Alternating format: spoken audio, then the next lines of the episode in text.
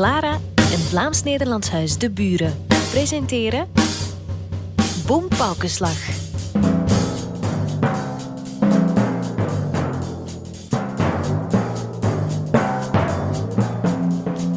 Boom.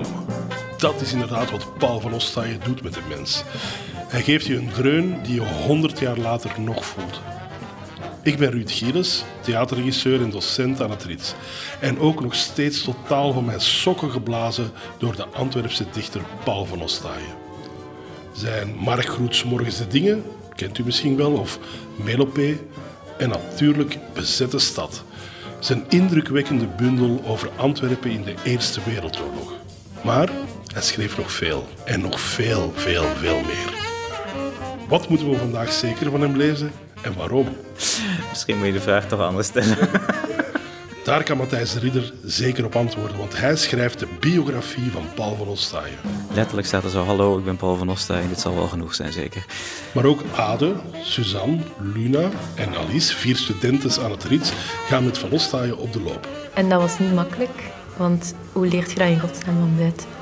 Historicus Mark Reinevo die kent Paul van Ostaaien van binnen en van buiten en keert hem voor mij ook nog eens binnenste buiten. Het, het feit dat vandaag nog altijd dat soort misverstanden blijven bestaan, zegt ook iets over de kwaliteit van dat werk. Je kan daar blijven aan interpreteren, je moet daar voortdurend zelf mee omgaan.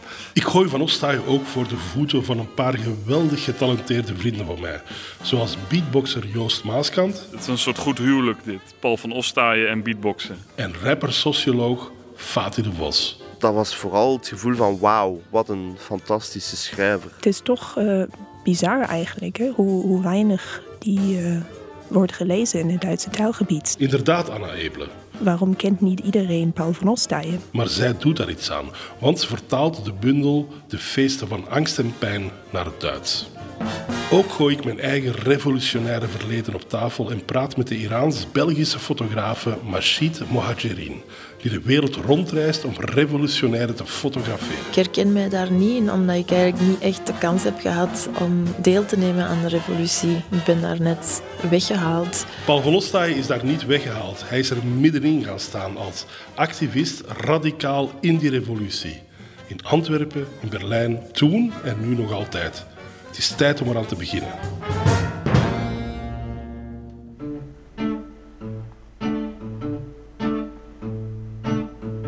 Wanneer heb ik Paul van Ostaaien leren kennen? Dat is een goede vraag, want ik weet het niet helemaal meer. Maar ik heb wel vage herinneringen aan de eerste keer dat ik daarmee in contact kwam en ik daar niets van snapte.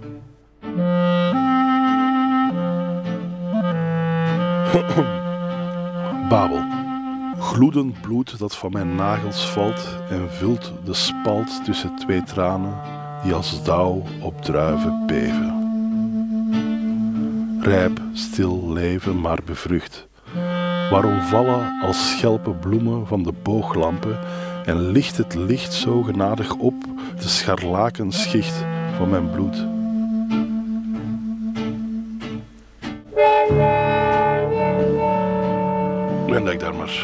Kijken en dat ik daar bleef in kijken. En dat dat boek voor een of andere duistere reden bij ons op de salontafel lag. En dat ik dacht, wat is dit? Waarom ligt dit hier?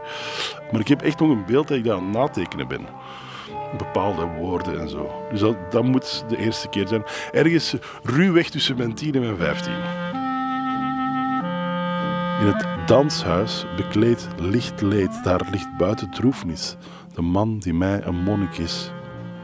Waarom zijn de lampen der stad de lichten van al mijn zonden en de stappen der danseres schreden op het hart van de wereld? Pijnig mij, hondsblik, zachte lampen, schrille bloemen, welist, zomerfestoenen, witte waanzin van het winterwoud, liedjes, gigolo's. De zonde is de straat die leidt naar een wit, maar ongedacht gelaat. Man, dat is dichten. Dat is nu echt dichten. Fucking, dat is toch waar? Oh, jongen, dat is toch gewoon... Poeh, dat echt waar, jongens. Dus, oh, ik word er helemaal... Ja, Eh, Ze geloofden toch niet zullen zien. Witte waanzin van het winterwoud, liedjes, gigoloze zonde is een straat die leidt naar een wit, maar ongedacht gelaat. Allee, jongen. Wauw. Fenomenaal. Matthias. Goed binnen. Dank u wel. Dat is nog eens een boekenkast. Nee, rust. Dat is een bibliotheek. Dat is een bibliotheek, sorry. sorry. Waar, waar wordt een, een, eh, een boekenkast een bibliotheek, Matthijs? Op het moment dat je minder dan de helft van het boek hebt gelezen die erin staan. Ah, oké. Zo'n steeklaar. Er staat zelfs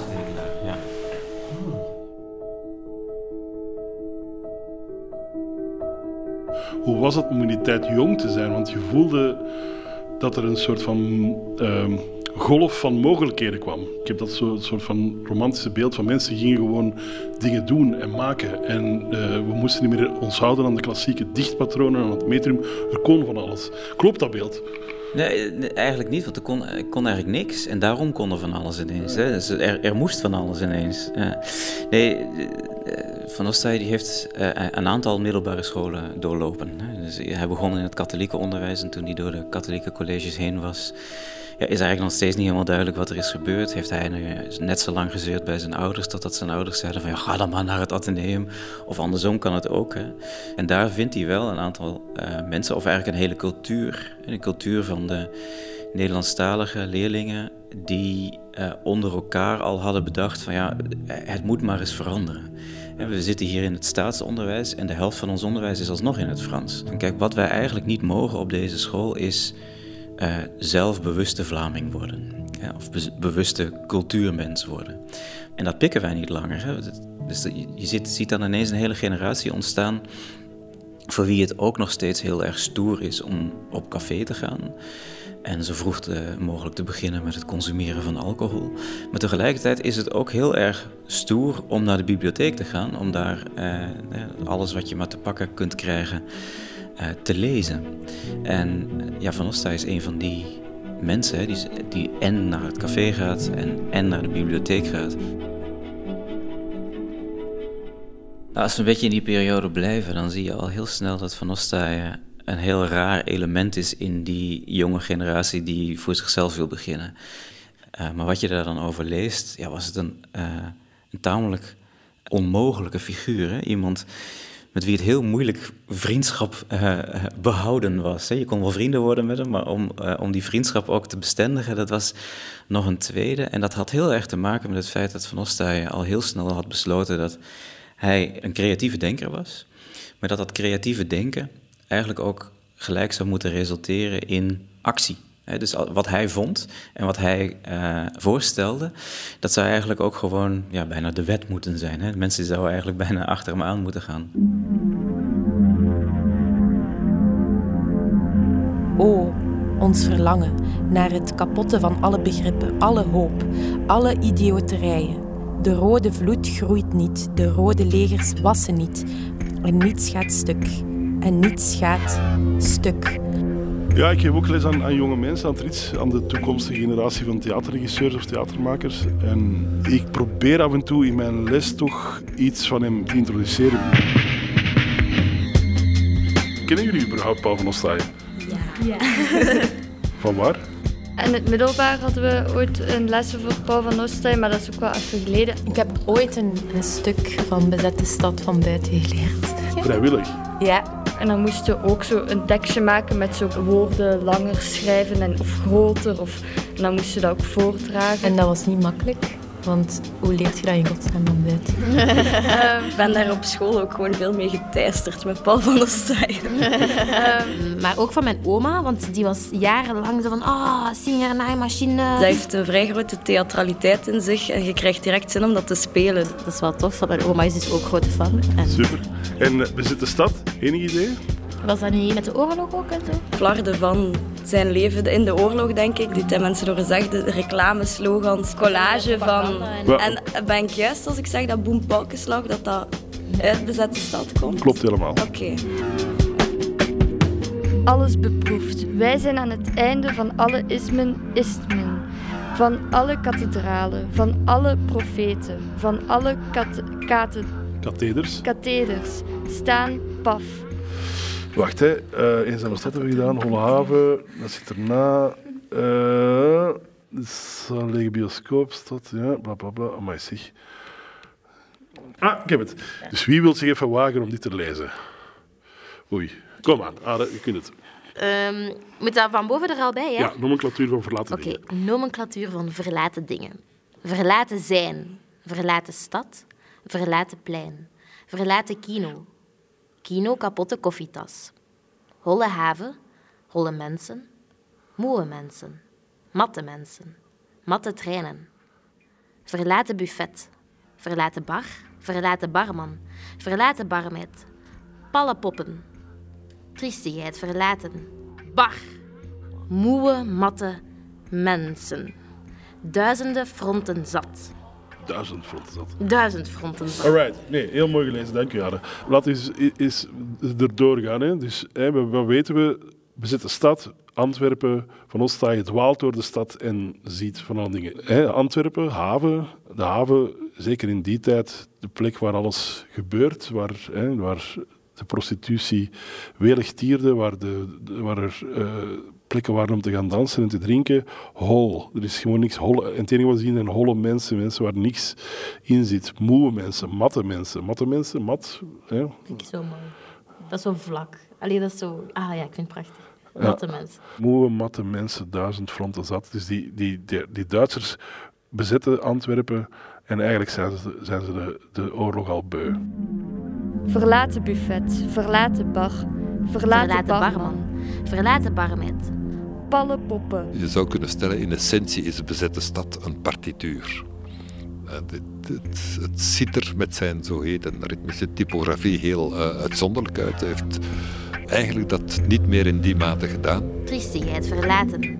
Bar. De manier waarop het gesteld is, geeft aan hoe je het moet uh, ja, zingen eigenlijk. Moe matte mensen. Mensen.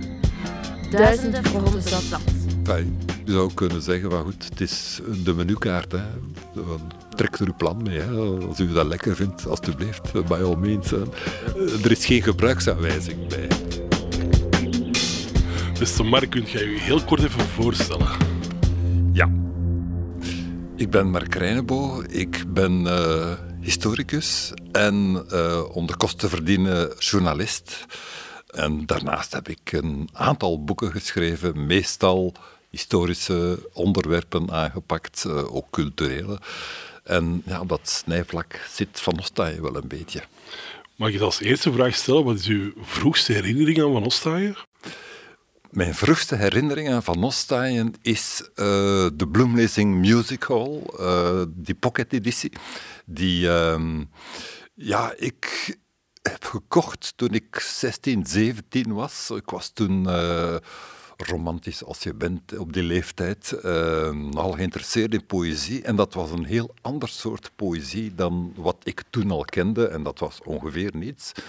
En uh, daar stond zoiets in als Van Ostaaien is als een kind met wie je gaat wandelen in het park en die nu weer te ver voorop loopt en dan weer een eind achterblijft, zodat je die voortdurend in de gaten moet houden om hem bij de les te houden.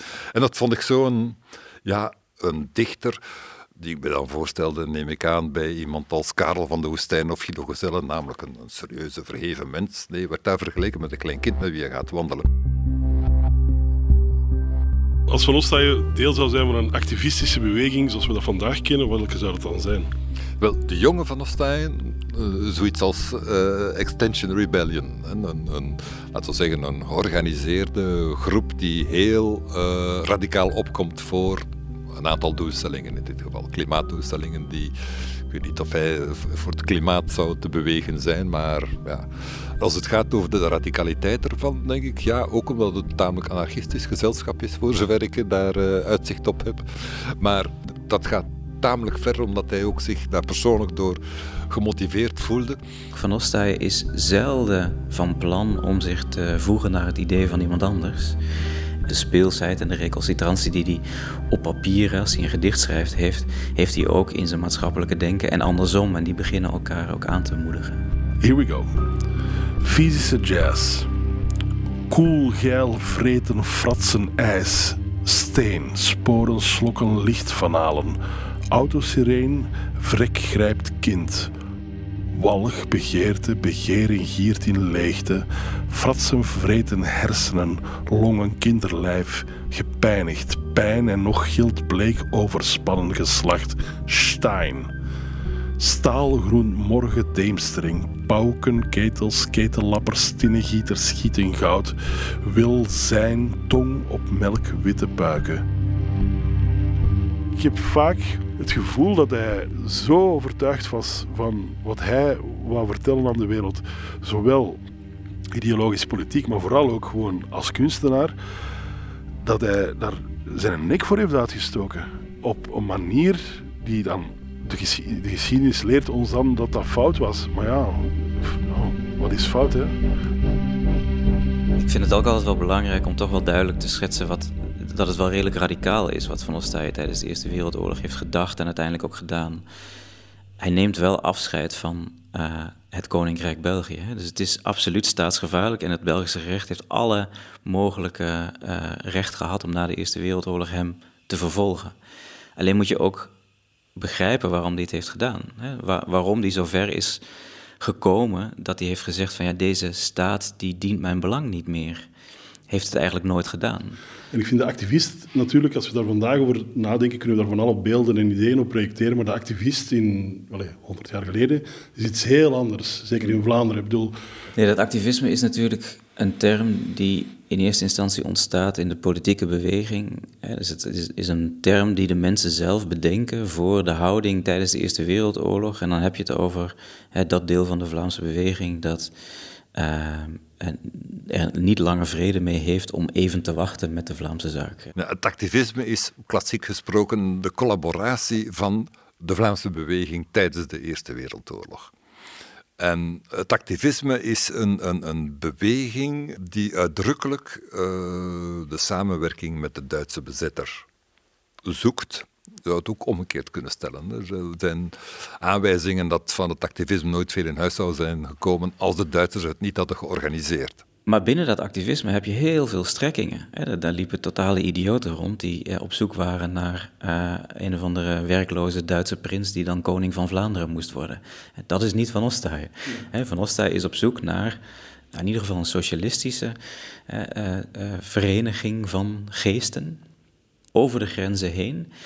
Dus hij is eigenlijk op zoek naar een verenigd Europa, veel socialer dan dat de politiek er op dat moment uitziet met daarbinnen wel een belangrijke uh, rol weggelegd voor ja, iets als een autonoom Vlaanderen of in ieder geval een culturele kern. Zoiets zit hij aan te denken. En Vlaamsgezindheid van Van Ostaaien is, is tamelijk dubbelzinnig en niet zeer mainstream. In die zin dat hij een positie inneemt waarin hij toch voortdurend kritisch staat tegenover de gevestigde Vlaamse beweging. Ten eerste uh, was hij er geen voorstander van om, om Vlaanderen te laten opgaan in een groot Duits Rijk. En dat is heel erg belangrijk, omdat als Van Ostaaij tegen het Koninkrijk België is, dan moeten we er ook bij zeggen dat hij ook tegen de Republiek Frankrijk was en het Koninkrijk Engeland en uh, zeker het Keizerrijk Duitsland. Maar in hoeverre is het, is het afzetten tegen belangrijk? Tegen die vorige generatie? Is dat iets dat op een speelse manier gebeurt? Of is dat echt een, een noodzaak vanuit Van Ostaaij om te zeggen van we verbranden alle bruggen en we tabula rasa, we beginnen opnieuw? Uh, er is zo'n tekst van Van een heel vroege, uh, die, die erover gaat, uh, wij willen ons eigen leven leiden. En dat gaat over die pubers, die, die adolescenten, die ja, in een wereld terechtkomen waarvan ze zien, die is conservatief, die is burgerlijk en daar herkennen ze zich niet in. En die ja, in dat flamigantisme een, een, hun engagement kunnen uitdrukken. Want dat is niet anti-Frans of uh, dat is ook niet anti-Waals. Dat is anti-Belgisch. Het is tegen het Belgische establishment. En uiteraard, die spreken Frans. Ja, maar ze kiezen er echt voor. Hè? Ze hebben het idee, de wereld waar we nu in leven, en die wereld is niet alleen maar België, maar dat is heel Europa. Die functioneert niet. Kijk maar naar de oorlog, die is daaruit ontstaan. En daar zoeken ze een uitweg uit. En die uitweg, die heeft heel veel te maken met nieuwe kunstopvattingen. Dus als Van Ostaaij in de loop van 1915 en 1916 steeds meer uh, moderne kunsttijdschriften leest, dan raakt hij ook doordrongen van het idee dat de moderne kunst een aantal dingen gaat doen. Uh, maar dat is eigenlijk allemaal samen te vatten in het hele idee dat de moderne kunst nieuwe vormen gaat maken voor een nieuwe wereld.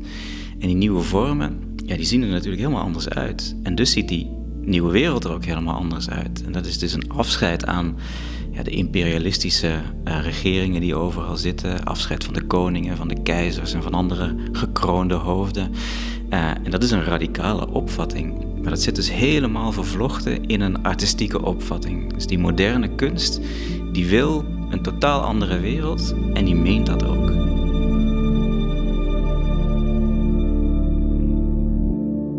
Ostein is uh, 18 als de oorlog begint. Maar tot, tot het einde van 1914 uh, is zijn houding die van afwachten van uh, hoe dat hier verder gaat aflopen. We nemen geen standpunt in. Uh, bekritiseert trouwens al tamelijk snel samenwerking met de Duitsers. Je hoeft dat niet te doen. En dat verandert in de loop van 1915, 1916. In de zomer van 1915 gebeurt er iets. Uh, er wordt vanuit Nederland een groepje flamiganten, die heel erg achter koning Albert staan ook nog een keer, stuurt de koning op 11 juli een telegram. En in die telegram staat zoveel als: Wij staan voor de volle 100% achter u. Maar we verwachten eigenlijk wel dat na de Eerste Wereldoorlog dat we dan over een aantal zaken kunnen gaan praten. Met name nou, de taalsituatie, hè, dus het, het, het, Nederlands in uh, het middelbaar onderwijs, in het hoger onderwijs, het Nederlands in het leger en het Nederlands in de rechtspraak. En het antwoord van de koning op die telegram is: trek deze boodschap weer in, of anders worden jullie ontslagen. Ja, dat wordt een enorm schandaal. Uh, en dat is de reden voor, de aanleiding voor heel veel mensen om te beslissen. Ja, we, we, moeten toch ook tijdens de Eerste Wereldoorlog wel laten horen uh, waar wij staan op politiek en wat wij met België willen na de oorlog. Je hebt dan een Belgische regering in ballingschap in Le Havre en een entourage daar rond die, die zich laat blijken. En in dat patriotisme komt tot uiting dat de idee groeit, en ze laten dat ook blijken, dat activisten landverraders zijn en dat met hen zal afgerekend worden na de oorlog. En bij Van Ostaaien merk je dat dat een zeer intimiderend effect op hem had. Uh, intimiderend en hij zegt het zelf, terroriserend. Hij voelde zich geterroriseerd door die dreiging en de conclusie eruit is, we staan op een keerpunt. Zegt dat er, het is nu uh, erop of eronder, uh, we moeten verder gaan. Ja, het landverraad van Van Ostaaien, laten we het daar eens over hebben. wat, waar, waar heeft hij ons dierbaar Koninkrijk België echt verraden, Matthijs? Als je gewoon kijkt wat, eh, wat er is voorgevallen, de dingen die hem zijn verweten, dan uh, heeft dat eigenlijk vooral te maken met tijdschriften waarin hij heeft uh, gepubliceerd. Dus tijdschriften tijdens de Eerste Wereldoorlog konden eigenlijk alleen maar verschijnen, ofwel met toestemming van de Duitse overheid of de Duitse militaire overheid, ofwel doordat diezelfde Duitsers die tijdschriften hebben gefinancierd. En van Ostaaij wist dat. En daar heeft hij de beslissing genomen dat hij dat niet erg vond. Het gros van de, de, stukken die hij tijdens de Eerste Wereldoorlog heeft geschreven, die, zijn, die gaan over beeldende kunst, die gaan over, uh, over literatuur en die gaan. Ja, dat is ook zijn eigen poëzie. Maar daar zitten ook politiekere stukken tussen. Hè. Daar zitten essays tussen over wat het is om jong te zijn in die periode en wat het is om als jongere um, voor een nieuwe kunst te staan en via die nieuwe kunst ook voor een nieuwe maatschappij. En dat wordt, dat wordt heel erg politiek. Hè. Dat, daarin uh, zegt hij eigenlijk gewoon dat zijn hele generatie eigenlijk geen andere keus heeft dan activist worden. Maar dat wordt hem vrij zwaar aangerekend, zeker ook omdat hij helemaal aan het begin van de Eerste Wereldoorlog heeft meegewerkt aan een krant. Uh, die krant die heette de Antwerpse Courant. En dat is voor ons eigenlijk bijna ironisch uh, dat hij zijn tweede dichtbundel, Het Signaal, heeft gedrukt op de persen van, dat, van diezelfde krant en ook op het papier van diezelfde krant. Uh, en ja, dan gaat het gewoon om het, uh, ja, het gebruiken van infrastructuur die daar door de Duitsers is, is geïnstalleerd eigenlijk. En dat weten we nog niet helemaal zeker, omdat zijn strafdossier nooit boven tafel is gekomen. En ik daar ook altijd nog naar op zoek ben. U bent er op zoek, dus niet dat het wordt angstvallig verborgen. Nee, nee, nee, nee, nee, Als het er zou zijn, dan zou ik het wel. Uh, uh, ja, nee, maar het, het, de archieven van rechtbanken die zijn zel, zelden compleet. En... Het probleem is dat het strafdossier is, uh, bestaat niet meer. Want ik heb daar wat wat opzoekingen rond gedaan, maar dat bleek dus niet terug te vinden. En dat is waarschijnlijk te verklaren door het feit dat in 1940, bij de volgende Duitse invasie, uh, veel van die dossiers, die gerechtelijke dossiers van collaborateurs, zijn vernietigd geworden. Om te beletten dat ze in Duitse handen zouden vallen.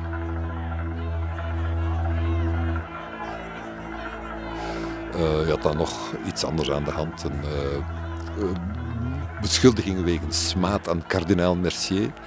Uh, in 1917 was dat, die in Antwerpen op bezoek was gekomen. Ja, dat was staan roepen, enfin, opstootje. Uh, opgepakt door de Antwerpse politie, waarbij al meteen ook het vermoeden was, ja maar, we willen steun van de Antwerpse politie, wil niet gearresteerd worden. Maar ja, dus dat was inderdaad zo. In, in september 1917 kwam kardinaal Mercier uh, de Antwerpenaren nog eens laten zien dat hij er ook was. Hè. Mercier was echt een nationale held, omdat hij ook de positie had waarin hij zich wel wat kon permitteren. Af en toe kon hij wel tegen de Duitsers zeggen van ja, en dat gaan we dus even niet doen. Hè. en daardoor was hij heel erg geliefd bij heel veel mensen. Maar het was ook iemand die heel duidelijk was in ja, niet alleen zijn afkeer van het flamigantisme, maar eigenlijk van het hele Nederlandstalige volksdeel. Het was iemand die langzaam aan het evolueren was naar het punt waarop hij ja, eens begon te worden met mensen die vonden dat na de Eerste Wereldoorlog België een eentalig Franstalig land zou moeten zijn. En daar waren Van Ostay en zijn vrienden natuurlijk totaal niet mee eens. Dus toen uh, Mercier in Antwerpen zijn macht en zijn populariteit kwam showen, toen hadden zij bedacht van we gaan eens uh, flink uh, schreeuwen en fluiten. En, en onderling hadden die vrienden ook weer bedacht van laten we dat nog heel even niet doen op het moment dat de kardinaal de hoek omslaat. En het zou grappig zijn als Van Ostaaij in zijn eentje begint te zingen en te fluiten. En dat gebeurde dus ook, waardoor Van Ostaaij heel erg uh, opviel. Hij was de enige op dat hele plein waar een soort van wijdse stilte hing, was Van Ostaaij de eerste die riep iets, iets als weg met de kardinaal of zo. En, uh, en uh, vervolgens een klein groepje mensen om hem heen die in een deuk lagen en de rest van het plein heel geschokt was. Maar de aanwezige politiemensen hadden wel gelijk gezien van, ah, dat is die. En Van Ostaaij is toen opgepakt en heeft zich moeten verantwoorden en is dus veroordeeld voor drie maanden cel. Um, nog voordat de, de, oorlog gedaan was. Maar zijn straf opgelegd door de Belgische overheid, die pas uh, kon worden uitgevoerd op het moment dat de Duitsers weg waren. En dan heb je nog een tweede kant van het verhaal, en dat is ietsje speculatiever. Uh, met name omdat het gaat om uh, een dienst die eigenlijk nooit is opgericht de officiële activistische beweging, ook buiten die jongeren, was ook altijd maar verder geradicaliseerd. Had een eigen parlement, tussen aanhalingstekens, opgericht, de Raad van Vlaanderen, die nooit is verkozen geworden, met een eigen regering die ja, volledig werd gepatroneerd door de Duitsers. En in de schoot van dat ministerie verrijst het plan begin januari 1918 om een Vlaamse Rijkswacht op te richten. Nu, die Rijkswacht uh, zou je ook een soort geheime politie of een knokploeg kunnen noemen, want die moest dat eigenlijk allemaal doen. En dat plan was gegroeid omdat uh, de spanningen tussen activisten en pacifisten zo sterk waren gestegen, ook in de stad, dat geregeld tot opstootjes kwam, waarbij de activisten en de Raad van Vlaanderen vonden ja, de Antwerpse politie en het gerecht, dat die, laten we zeggen, vooringenomen waren tegen de activisten. En dat als zij de orde wilden herstellen, dat zij een eigen militie moesten hebben. Dat zou die uh, Vlaamse Rijkswacht worden, gewapenderhand. En dat, dat uh, is eigenlijk allemaal verankerd in de propagandadienst van de Raad van Vlaanderen. En die propagandadienst, daar kende hij wel wat mensen. Bijvoorbeeld iemand als uh, Georges P.M. Roze, niet geweldig opgevallen in de geschiedenis. dat was iemand die echt banden had met die Raad van Vlaanderen. En uh, Roze die moet dan een lijstje opstellen van mensen die daar uh, wel een rol in zouden kunnen gaan spelen. En Roze die uh, bedenkt zichzelf dan met de, de hoofdpositie in die, in die organisatie. En Paul van Ostaaien mag dan zijn luitenant worden. Die, die wordt dan de tweede in rang. Dat lijkt zeer weinig aan te sluiten bij, bij het profiel van de zachte dichter. Uh, dat je hebt dat, dat iemand tweede in bevel zou worden in zo'n rijkswacht. Weliswaar voornamelijk met administratieve taken. Maar wat bijvoorbeeld ook al was geregeld, is dat hij een jaarwedde zou krijgen van 6000 uh, frank per jaar. Dus, uh, en dat was meer dan het driedubbele van dan wat hij verdiende aan uh, het stadhuis uh, als klerk. Dus je ziet daar ook wel een zeker opportunisme in. Zo. Dus we kunnen hier zo direct bij de kas gaan zitten en onszelf al goed bedienen. Ja, wat van sta je daar überhaupt? Waarschijnlijk gaat hij wel zo ver mee in het verhaal dat hij in ieder geval, want dat is het, het grappige, hè? Als, als Roze dat voorstelt aan de, aan de Raad van Vlaanderen, dan zegt die Raad van Vlaanderen: Wie? Welke, welke van ons? Wie, wie, over wie heb je? Laat, laat hem zich even aan ons voorstellen. Ja, dat moet je ook niet tegen Van Ostaaien zeggen, want die gaat ervan uit dat mensen de literatuur een beetje volgen, dus die, die behoorden te weten wie hij was.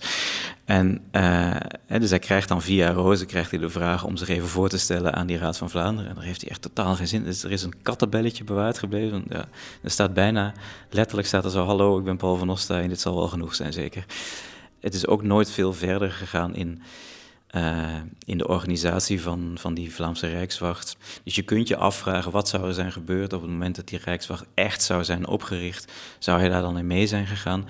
Dat is ja, speculeren. Maar in elk geval duidt dat aan dat Van Ostaaien uh, heel diep in het uh, activisme zat en, en uh, aan de radicale, extreme kant daarvan zat. En, uh, kwam dat uit ongeduld, denkt u? Ongeduld is een heel belangrijke factor. Uh, en, en, geduld is iets wat Van Ostaaien vijf jaar later zou leren. Maar uh, het, is, het, is, het ongeduld, de sturm drang van jongeren die per se iets willen doen. En ook wel de middelen hebben, want ze worden gepatroneerd toch door een militaire macht. Ik heb me afgevraagd, als Van Ostaaien niet was gestorven, zou hij ook uh, een fascist geworden zijn? Ja, dat is een vraag die uh, vele mensen hebben. Ja. Wat is uw mening daarover? Wel, het is mijn held natuurlijk, hè, dus ik kan moeilijk aanvaarden. nee, uh, de indicaties die ik vond, en, en, dat zijn dan voornamelijk een aantal uh, grotesken die hij geschreven heeft, verhalen, zie je dat bijvoorbeeld zo iemand als Hitler daarin gaat doorschemeren. Du, meine Arbeit für richtig hältst, ob du glaubst, dass ich fleißig gewesen bin. Daarom stellen wij de vraag, wat willen we? Dan luidt het antwoord: wij willen de baas zijn. Er is een prachtige groteske die heet de Trust der Vaderlandsliefde. En de Trust der Vaderlandsliefde, dat is een verhaal over een bende nogal dommige uh, Duitse nationalisten. Waarom willen wij de baas zijn? Eenvoudig. Omdat wij in onszelf meer vertrouwen stellen dan in de anderen. En die, die bedenken op een gegeven moment: ja, als we nu nog succesvoller willen, willen worden, dan moeten we zorgen dat we ook echt iets hebben om tegen te vechten. Schijn biedt redding. Het is voldoende de schijn te wekken dat onze vaderlandse zaak ook zaak is van het zuivere recht. Dus dan leggen ze contact met hun Franse tegenhanger. Chauvinisten aller landen, verenigt u. Ja, ook een clubje nationalisten. En die spreken dan met elkaar af dat ze elkaar enorm gaan haten. en dan uh, vliegt de retoriek over en weer. En, en, en ze krijgen steeds meer, hun beweging krijgt steeds meer tractie. En, uh, en, en zo groeit dat uit.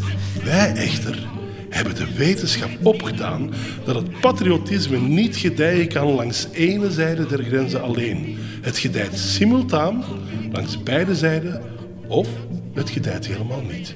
Maar het is een heel mooi verhaal uh, om aan te geven wat Van Ostaaien van laten we zeggen, het begin van de NSDAP vond. Hè? Want dat is, dat is heel duidelijk waar hij naar verwijst. Dus dat is een beetje voor mij een beetje de verzekering dat Van Ostaaien niet die kant op zou zijn gegaan. Omdat dat niks te maken had met het idee wat hij had van hoe die betere wereld georganiseerd zou moeten worden. Natuurlijk, dat wil niet zeggen. Hè? Maar wat al die mensen verenigt, is hun radicalisme. Zij wilden radicaal de wereld veranderen. Revolutionair.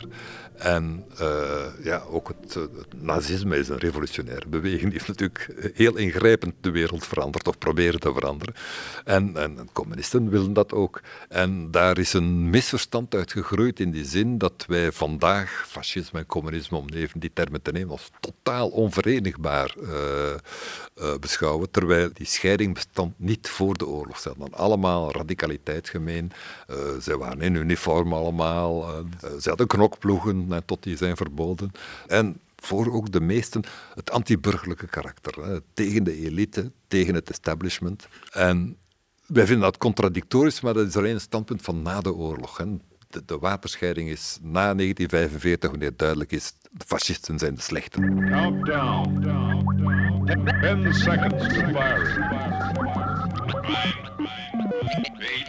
En is er dan nog zoiets als een cultuurpolitiek aan, in de Vlaams nationale kringen? Er, er is veel minder om voor te vechten nu. Ik bedoel, alles waar Van Nostaaij voor heeft gevochten, is er.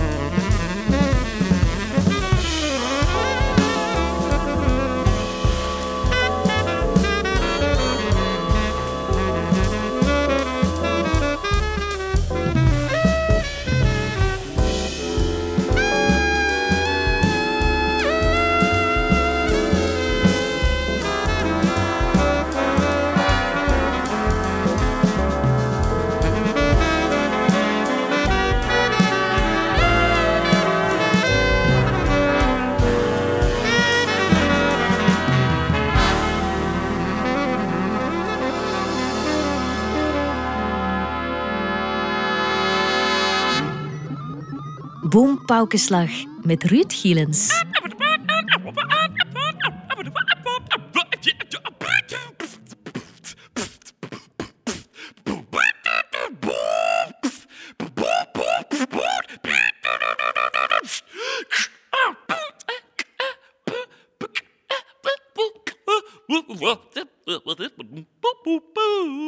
Ik heb ooit aan u gevraagd, leer mij eens beatboxen. En toen heb je gezegd, je moet gewoon poesje, poesje, katje zeggen. En dan heel veel keer achter elkaar.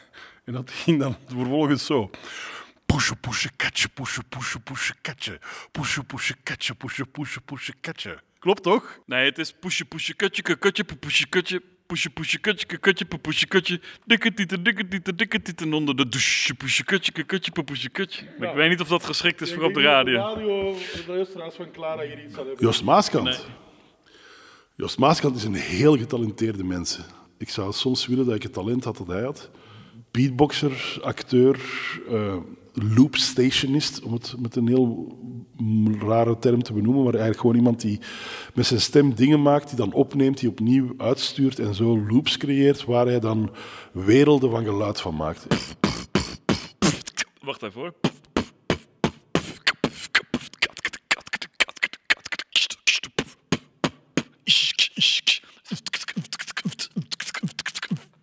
Zo ongeveer. Nou, dat klinkt redelijk standaard drum en bass eigenlijk. Ja, ja, ja. Nou, heel jungle, jungle-achtig. Dus ik probeer eigenlijk, wat ik eigenlijk heb gedaan veel, is, is um, ja, genres imiteren. En die zo goed mogelijk imiteren. Ook tegelijkertijd die genres belachelijk maken. Waardoor je in een soort midden komt van, hè, je maakt het belachelijk, maar het klinkt ook heel goed en heel dik en heel oprecht. Wat maakt het uit wat je zegt? Want je bedenkt eigenlijk spelletjes. Je bent heel. bedoel, De, Ja. de, de, de klank spreekt voor zich. Maar hoe belangrijk is het wat je zegt? Tekst is meer een, een klank of een, een, ja, een klank. Dus een woord is een klank. In de ruimte. Ja. Een instrument en niet een boodschap vaak. En dat, dat brengt ons naadloos bij waar het hier vandaag moet over gaan, Paul van Ostaaien. Combinatie, die, het is een soort goed huwelijk dit. Paul van Ostaaien en beatboxen. Ja. Als ik kijk naar die typografieën, g- grote letters, kleine letters, verdeeld over de bladzijde, verschillende lettertypen. Er zit al een soort dynamiek in die bladzijden, die dan misschien iets probeert te vertellen, maar je, je kan het, of de manier hoe je het op moet zeggen, weet je niet precies. Je, je, je, je leest het op een, je interpreteert het een beetje op een eigen manier. Ik heb het gevoel dat die man, bij zo'n spreken, 180 graden met zijn hoofd om zich heen keek. Hoe mensen eigenlijk ja, in de stad leven, zwoegen, onderhevig zijn aan enorm veel billboards, commercie. Eigenlijk op zoek zijn naar vrijheid, misschien te dicht op elkaar leven. En alles wat hij zag, associatief heeft opgeschreven. Waardoor je een soort eh, expressieve blik krijgt op, wij spreken, die Eerste Wereldoorlog en over hoe Antwerpen was toen. Een soort expressief idee.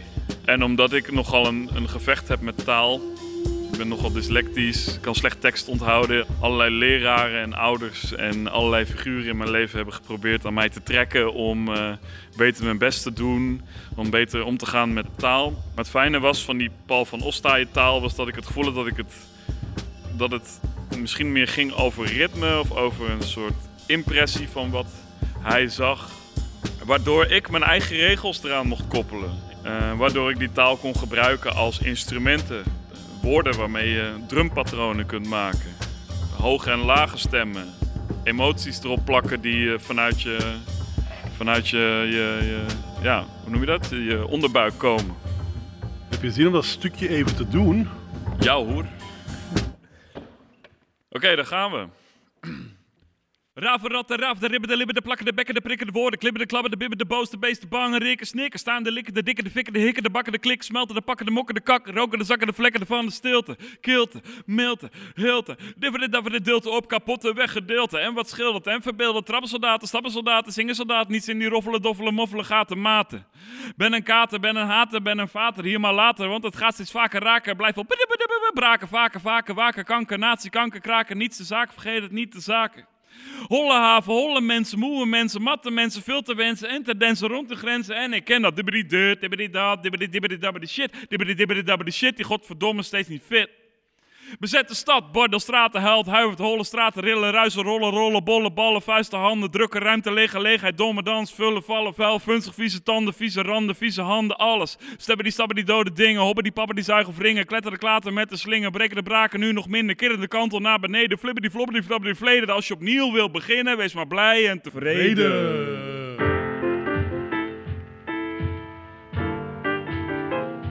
Jatsmuziek. Zoals de Duitsers het zeiden vroeger, in het ver verleden. Eh, jazz. Jazz en Van Ostaaien. eh, op een bepaalde manier lijkt mij dat logisch. Die twee samen. Ja, jazz is natuurlijk eh, zeker na de Eerste Wereldoorlog, want het ontstaat eigenlijk aan het begin van de 20e eeuw in, in Amerika en komt dan tijdens de Eerste Wereldoorlog overgewaaid naar, naar Europa. De eerste jazz, die, die je echt jazz kunt noemen, die Van Ostaaien heeft gehoord, dat is pas na de Eerste Wereldoorlog geweest.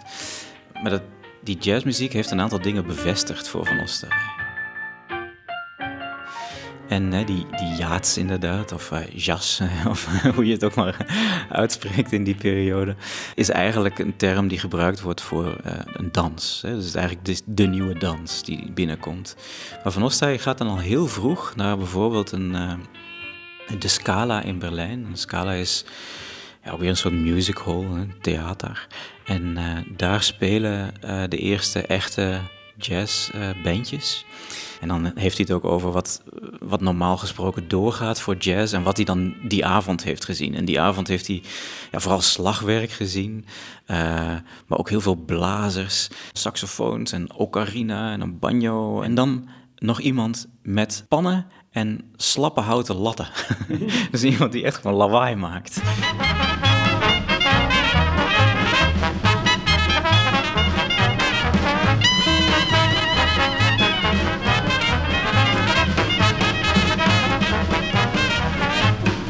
En, en dat was voor hem eh, zijn eerste jazzervaring, maar ook gewoon de echte jazzervaring. jazz ging weg van alles wat harmonie was, wat melodie was. Het is allemaal ritme, het is hard en het is, het is ook destructief. En is de poëzie van Van Ostaaien jazz voor u? Ja, het is zo'n beetje het dichtste wat je erbij kan komen in die periode. Maar het, het mooie met Van Ostaaij, en dat zie je op heel veel eh, eh, vlakken, is dat hij heel snel de eh, uiterste consequentie van iets weet in te schatten.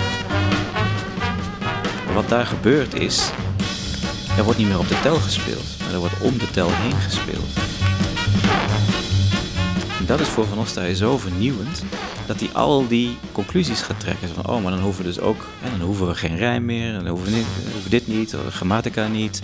Ja, dan zit je natuurlijk midden in, in bezette stad en je zit ook midden in ja, een aantal gedichten uit de feesten van angst en pijn, waarin echt de betekenis helemaal uit elkaar is getrokken. En alles wat je in poëzie zou kunnen scharen onder termen als harmonie en me- melodie, dat, da- da- daar gaat hij van weg. Hij, hij trekt de taal eigenlijk uit elkaar en wat overblijft, dat zijn die eh, individuele bouwblokken. Het is, het is veel meer geabstraheerd en dat, dat kan ook poëzie zijn.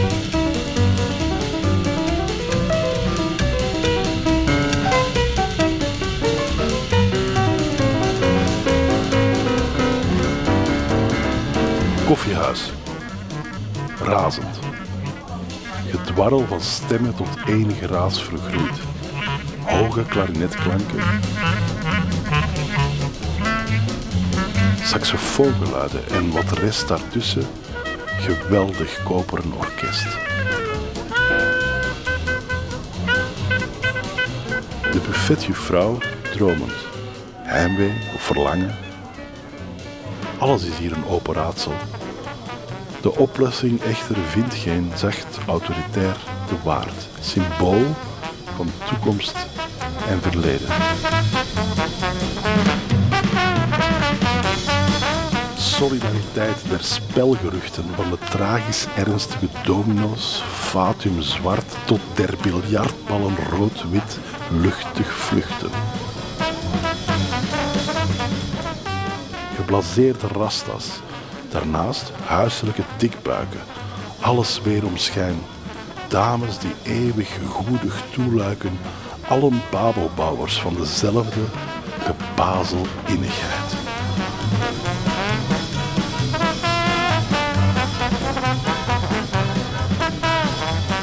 Gebannen is de innigheid uit de straat. Achtervolgde faun binnen de koffiehuizen gedreven. De zwakke muren zijn een sterke dam tussen dood en leven. Bij het even openen der deur klinkt wat daar buiten is, de tram, of het geroep van een venter als een onheimelijke stem, heel even. Dan herneemt het orkest zijn razende galop. Oké, we doen een intro. Fatih. Yes. Hoe is het? Ça va met u? Ja, ça va. Zeg, eh, we kennen elkaar nu al even, nog niet zo lang, maar Sinds toch. corona, hè? Sinds corona, ja. We zijn corona-maatjes corona- geworden. corona-buddies, yes. Eh, zeg, eh, jij wordt vaak geïntroduceerd als de, de Gentse socioloog-rapper. Ja, het schijnt. Maar eh kunt jij eens heel kort, gewoon voor de, de klare luisteraar die u niet zou kennen, u Hmm. voorstellen? Ja, dus ik ben eh Fatih, Gentenaar, 36 jaar. Ik heb ooit toevallig sociologie gestudeerd. Ik heb migratieroots. Ik heb ook Vlaamse roots. Ik ben van Trabot. Ik ben jeugdwerker. Ik schrijf graag en ik hou van hip-hopmuziek en ik combineer die twee. En ik geef veel workshops daar rond. Allee, ja. Ik heb u dan eh, zo wat dingen doorgestuurd. eh, en, en als je, ik heb dat natuurlijk bewust voor een aantal dingen gekozen. Maar ik dacht van, dat zal misschien wel aansluiten bij Fatih. Als je dat nu dan moet lezen, wat, wat doet dat met u? Of wat, wat herkent u daarin? Het eerste dat ik iets had van... Allee, ik, moest, ik had de- opdracht van u gekregen om, om mijn eigen interpretatie neer te schrijven van bepaalde werken van hem. En ehm, ja, ik had vooral het gevoel dat ik, dat ik heel nietig ben als schrijver. Als ik zo de, de taal, de manier hoe dat Paul van Ostaaien taal aanwendde om, om zich uit te drukken met al die prachtige metaforen, woordenschat dat ik nooit zou opkomen. Ehm, dat was vooral het gevoel van wauw, wat een fantastische schrijver. Ehm, en ik kan, ik kan niet aan zijn hielen tippen. Dat is echt een, een poëet, like, like, like dat we kennen in de klassieke sens du mot. Weet? Gewoon echt een poëet, poëet, poëet. Snapte? Maar ik heb toch op mijn manier die gedichten proberen lezen en er de betekenis uitgehaald die ik er voor mij heb uitgehaald. Dat daarom niet per se de enige betekenis is. Here we go. Sorry, Paul. ik, heb geprobeerd. bon. FS. Cacophonie bij Café FS, waar het getier het praten dempt. Anatolisch gebrul, Berberse keelklanken en Zuid-Slavisch dialect vermengen zich onder de tonen van jaren 80 arabesk. De race macho's in dit nest, patiënten uit de onderbuik voelen zich heel leven de koning. Bevelen schreeuwend naar die ene vrouw, gereduceerd tot een object. Geïmporteerd uit Boekarest. Ik vraag me af, wat zijn haar dromen? terwijl ze lacht na een klap van een tandeloos gedrocht op tachterwerk.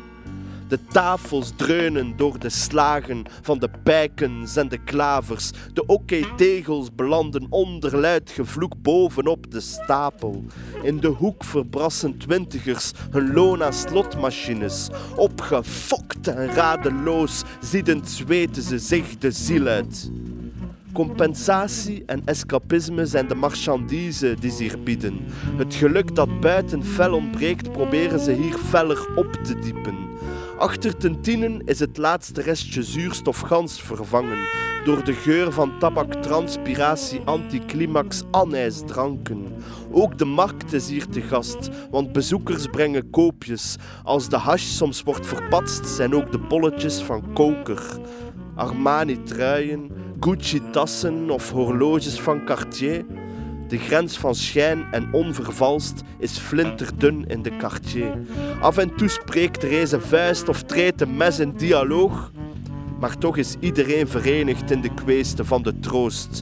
Een testosteron-excess vermengd met een tekort serotonine vindt tijdelijk enkel verlossing in deze krocht van dopamine. Muren van bedenkelijk allooi. Ze staan nog recht ternauwernood, maar eens ze buiten zijn getreden, neemt de grauwe werkelijkheid weer over. Doch alle romantiek ten spijt, slechts één held binnen deze gevels. En dat is zij die tegen een hongerloon al die asbakken blijft legen.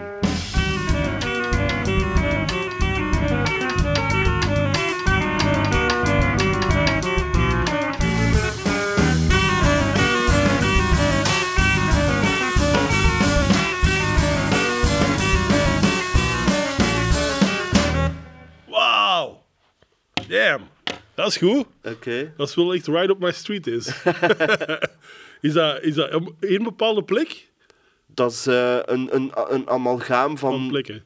Turks en, en andere cafés die ik uh, in, in mijn buurt uh, zo al bezocht vroeger. Ja. Wow. Wat het straffer is, dat is, dat is zo een van mijn... Ik heb ook theorieën. Een van mijn theorieën is dat van ons sta je altijd in gang zet. Dat je nu tien jaar zei of 40 of 80 en je leest er iets mee, je leest van Ossai en dan denkt je altijd van ik moet daar iets mee doen. Of ik heb dat alleszins nog altijd heel hard. En ik ben zo blij dat ik dat nu... Dat je zo de filter van Ossai door Fati en dan krijg je dit en dat is echt zo een, het wereldbeeld van dat soort plekken die ook van Ossai in die tijd opzoekt, die dat jij nu ook opzoekt. En, Ja. Of ik ook opzoek, die dat we kennen. En daar haalden ze de, die beelden altijd uit. hè. Bruine kroegen waar de... Ja, maar als je terug naar de basis gaat, als je het allemaal terug afpelt en alles wat je kunt ermee doen, maar gewoon echt terug naar de essentie gaat, gaat het toch over... Ik probeer een chroniqueur te zijn van deze tijd. Ja, ja, rappers zijn vaak straatsociologen voor mij. En wat wil dat zeggen? Voor mij, rappers zijn de chroniqueurs van vandaag, omdat ze die tijdsgeest en bepaalde situaties en geografische locaties ook zo rouw kunnen weergeven, zodanig dat het voelt alsof dat jij daar bent. Dus dat is wel voor mij een, een manier van sociologische werkelijkheid weergeven. Misschien zonder de statistieken dan erbij te halen, maar Ja. meer het, op het eh, anekdotische microniveau eh, toch wel. En het is oraal, hè. Het- alles wordt oraal doorgegeven. Ik bedoel, dat is wel neergeschreven, maar die tekst werkt alleen maar door hem te zeggen. Dat is, ja, want als je hem gaat lezen, gaat hij niet even krachtig overkomen. Ik ben wel een schrijver, maar of dat ik het nu leuk vind of niet, sommige dingen zijn echt wel sterker als je ze ook kunt Ja. oraal overdragen. Scene, the. Fireman's blind, Cincinnati jacket and a sad luck dame. Hanging out the window with a bottle full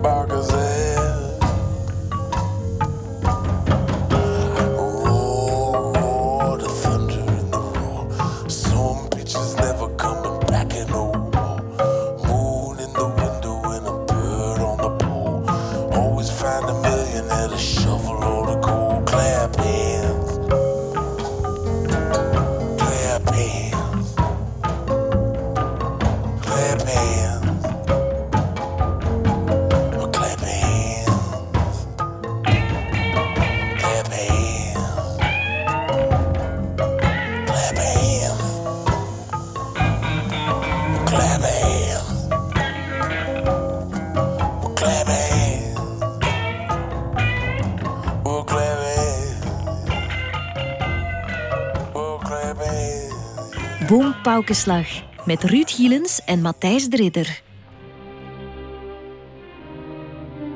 De Duitser. De Duitser is een zoogdier dat rond de 25 december de nabijheid van een kleine dennenboom opzoekt.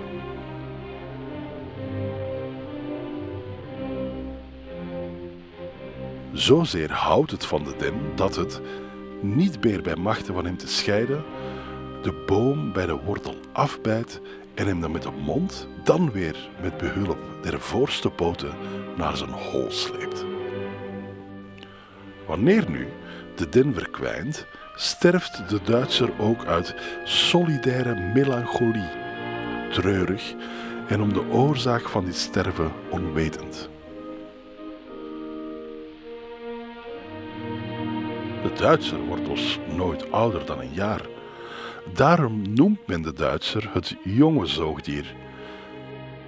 Deze samenstelling is pejoratief bedoeld, namelijk zo dat naar de daarin besloten mening de Duitser steeds te jong blijft, zodat je hem niet één enkel verstandig kunststukje kan bijbrengen.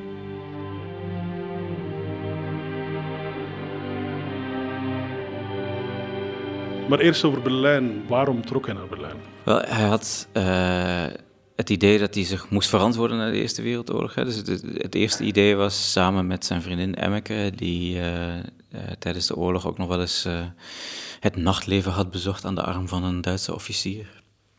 Ze hadden allebei het idee van ja, het, heeft niet zoveel zin, of we hebben er ook gewoon niet zoveel zin in om de consequenties daarvan hier af te wachten. En gaan de kant op van degene eh, met, met wie ze zich hebben ingelaten tijdens de oorlog. Hè. Hoe, hoe minimaal dat in, sommige, in, in het geval van Van Ostaaij eigenlijk ook was. En Emmeke die kende, eh, een vriendin van Emmeke was in Berlijn gaan wonen. En bij die familie konden ze wel een paar nachtjes slapen. En dus ze hadden min of meer een adresje omheen te gaan.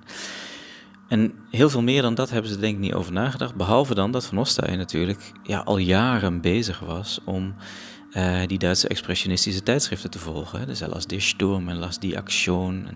Dus voor hem was dat uh, de kern van waar het in de moderne kunsten om ging. Het was voor hem eigenlijk de hoofdstad van uh, de internationale avant-garde, zoals dat voor andere mensen misschien Parijs was.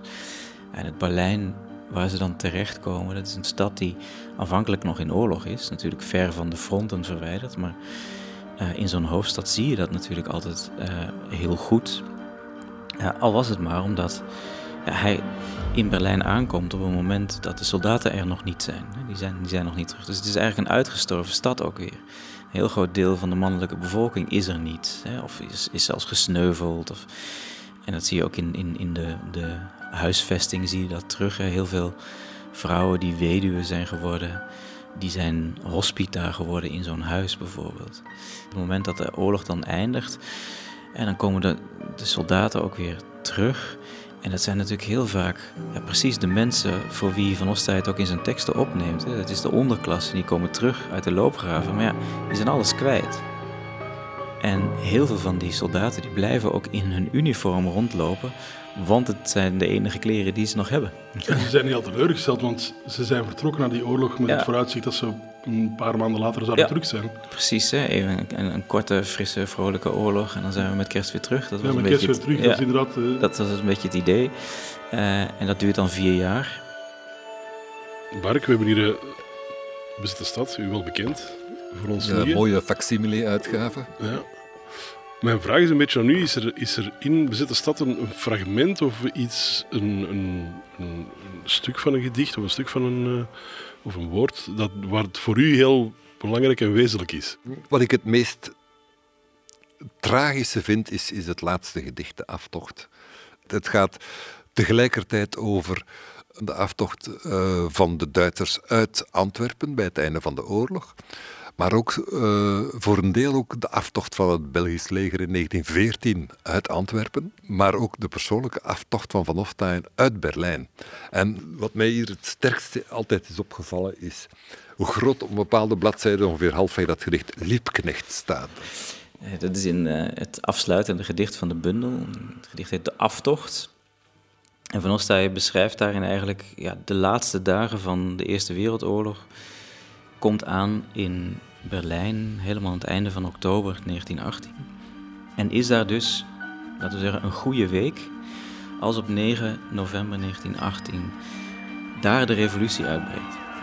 Honderdduizenden mensen zijn op straat op die, op die dag in Berlijn. En de ministers in, in de zittende regering die denken van we kunnen eigenlijk maar één geste doen waar ze tevreden mee zullen zijn. Dat is het aftreden van de keizer. En dan is het de vraag, wat gebeurt er nu? En voor Van Ostaaien is het moment aangebroken waarop het wel eens de revolutie waar hij eigenlijk al de hele tijd op zit te wachten, de logische conclusie van de Eerste Wereldoorlog wat hem betreft, waarop die conclusie getrokken zou moeten worden. En iemand die dat doet is Karl Liebknecht. Karl Liebknecht, die samen met Rosa Luxemburg leidt hij de zogenaamde Spartakistenbond. En die Spartakistenbond, dat is een van de eh, communistische bewegingen in Berlijn. En eigenlijk zijn ze er nog niet klaar voor. Ze zijn nog niet klaar voor zo'n opstand. Maar Liebknecht die neemt dan toch het besluit om op die 9 november ergens, ik geloof een uur, of twee 's middags, op een paar plekken in de stad de Duitse Socialistische Republiek uit te roepen. En dat is een paar uur nadat Gustav Streveman dat ook al heeft gedaan namens de regering. Maar natuurlijk niet de Socialistische Republiek, maar de Republiek Duitsland. Dus je krijgt een, een, een dag waarop de revolutie uitbreekt, waarop eh, ook gevochten wordt. Hè. Er worden eh, belangrijke gebouwen ingenomen door de, door de Spartakisten. En ja, die onzekerheid die duurt een paar weken, maar dan krijg je het fenomeen van de Freikorpsen. En De Freikorpsen zijn heel vaak teruggekeerde groepjes soldaten die al heel snel denken van ja, waar gaat het heen met ons land? Die communisten moeten het toch niet voor het zeggen krijgen, want daar heb ik niet vier jaar lang voor in de loopgraven gevochten. En, en die politieke spanningen gaan inderdaad over hoe die oorlog nu is afgelopen. Eh, alle verbroken beloftes daar rond. En dan komt ook meteen die dolkstoottheorie eh, opduiken. Die wil dat eh, ja, socialisten en joden en bankiers het leger een, een mes in de rug hebben geplant. Zijnde dat ze eigenlijk de soldaten hebben verraden. Dat dat dus niet de keizer of de, de landsleiding is geweest. Nee, het zijn die groepen die geweigerd hebben om onze inspanningen te steunen. En ik geloof dat het 15 januari 1919 is, dan worden eh Liebknecht en Luxemburg gevonden. En die worden eigenlijk binnen de 24 uur geëxecuteerd. En daarmee is voor Van Ostaaij ook die revolutie eh, afgelopen. Want dat wat hij had willen zien gebeuren, heeft hij heel eventjes een beginnetje van gezien, maar dan is het ook weer afgelopen. En dat speelde zich af letterlijk onder de neus van Van Ostaaien. Want hij woonde in de Wilhelmstrasse, nummer drie. En maandenlang is daar geschoten geworden, tot in, eh, ik dacht, maart 1919. Andere auteurs beschrijven dat dan, van hoe zij in de tram zich moeten bukken voor de geweerschoten die, die daar in het rond vliegen. En die hele revolutie zit natuurlijk voor een heel groot deel in eh, Bezette Stad. De aftocht gaat daar voor een heel groot deel over. Het laatste gedicht van Bezette Stad. Eh, maar Van Ostaaij heeft ook geprobeerd om ja, op te treden als een soort van correspondent. Eh, hij zat midden in die revolutie, wilde daarover schrijven en heeft er een, een vrij lang verslag gestuurd naar een Nederlands tijdschrift. En dat is daar op de redactie blijven liggen, dus dat is nooit eh, gepubliceerd. Maar daarin zie je wel dat hij het allemaal echt op de voet volgde. En dat hij ook eigenlijk zich heel veel zorgen maakte over niet alleen het geweld in het, in het algemeen, maar vooral ook eh, het geweld dat de overheid heeft gebruikt tegen de opstandelingen. Enfin, ik- heb zo het beeld van, eh, hij kende de, de, zeker de proletarische werkelijkheid niet, waar hij het anders wel eens durf over hebben. Maar daar zag hij ze in haar ongeschoren versie. En ehm, dat heeft bij hem een soort schok. eh, hij was wel sociaal voelend, maar zo vreselijk moest het ook weer niet zijn.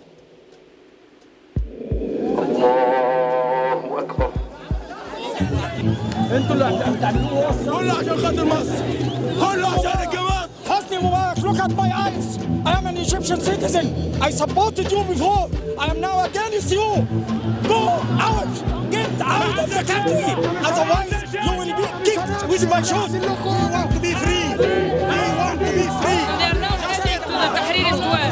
And Tahrir means liberation. That's why the Egyptian people will be liberated from the tyrants. nu bijna zes uur nadat eh, de avondklok is ingesteld en nog steeds is een heksenketel hier op het Tahrirplein, het eh, plein van de bevrijding. Er worden nog molotovcocktails gegooid en ik zie nog honderden, misschien wel meer mensen die, eh, ja, die de confrontatie aangaan met de. And we will continue to fight till we get our freedom. Egypt is the greatest country on earth. We will prove it. Is the revolution of the Egyptian people, of the all, all kinds of people. All classes hate, Mubarak. Everyone hates Mubarak. We hate you. We don't want you. Go to hell. We are not going to be like them. We are not going to be like them. We are not going to be like them. They. Hosni Mubarak stapt na bijna 30 jaar op als president. Na 18 dagen is hij dan toch gezwicht voor het protest van de straat.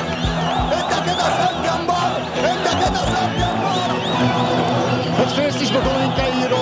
We zijn allemaal Egyptenaren, nu zeggen ze. Verzet opstand. Een opstand die uiteindelijk via de wil van het volk de dictator van de sterkste Arabische staat op de knieën heeft gekregen. Een vreedzaam verzet. En omdat Egypte altijd een voorbeeld geweest is, is dit misschien nog maar het begin.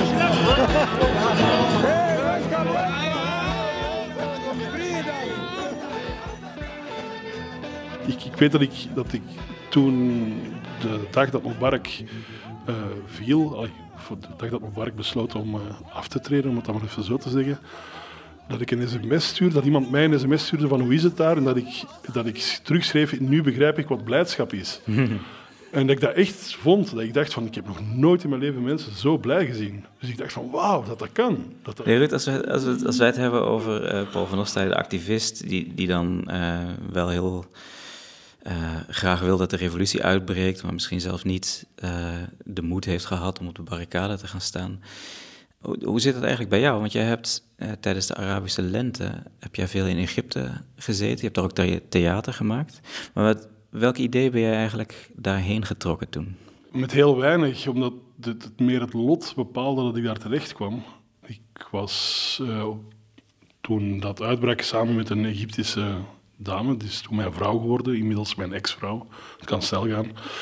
En ik zeg dat omdat het belangrijk is om te snappen dat, ik, dat de motivatie om naar daar te gaan eerder persoonlijk was dan dat, ze, dat ik dacht van ik moet daar gaan deel uitmaken van iets om... eh, om Maar toen je erheen ging, was, was het toen al iets bezig? Of? ja, nee, ik was toen een paar maanden samen met mijn, met mijn ex-vrouw en die revolutie, zij was hier in België toen het uitbrak, eh, 25 januari 2011. En toen zijn we naar Ginder gegaan en ik was volop bezig in een productie en ik zeg, ja, ik denk dat dit belangrijker is. En eigenlijk bijna naïef ben ik daar toen vertrokken.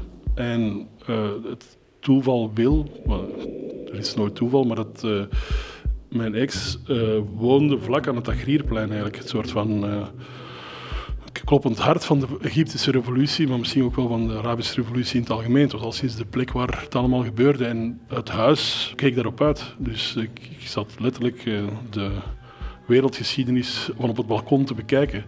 Mijn ex was ook eh, theatermaakster en eh, natuurlijk onder Mubarak proberen onafhankelijk te werken, wat niet makkelijk was, want die theaters werden natuurlijk, zoals in elk goed regime, bestuurd door het regime. Maar toen wij er aankwamen, was wel duidelijk dat zij behoorden tot de kern die niet met het regime meehulde en die ook zoiets hadden van oké, we kunnen hier deel uitmaken van een revolutie en we moeten die vooral eh, mee in gang zetten. Dus ik heb daar toen ja, heel dat proces, de 18 dagen dat ze zeggen, want het heeft 18 dagen geduurd voor Mubarak is afgezet, maar ook heel het proces daarna, de opkomst van het, le- het leger die de boel in handen heeft genomen, dan een eerste president, dan een tweede president. Ik heb heel dat proces van heel dichtbij meegemaakt. Dus Maar je hebt toen die- die, die 18 dagen, je, je, je keek uit over het Agrierplein, maar ik neem aan dat je niet alleen maar op het balkon hebt gezeten. en, eh, Nee, nee. je, bent, je bent ook het plein opgegaan en hoe dicht stonden jullie daarbij? Wel, ik stond daar heel dichtbij in de zin van dat, dat ik van die, zeker die eerste 18 dagen, denk ik, er 14 op dat plein heb geslapen. En het, was, het is natuurlijk één ding om, in, om overdag u aan te sluiten bij de revolutie, maar daar s'nachts uh, in een uh, slaapzakje te liggen en te denken, wat doe ik hier eigenlijk? in een taal, ik sprak toen nog geen woord Arabisch, of misschien vijf.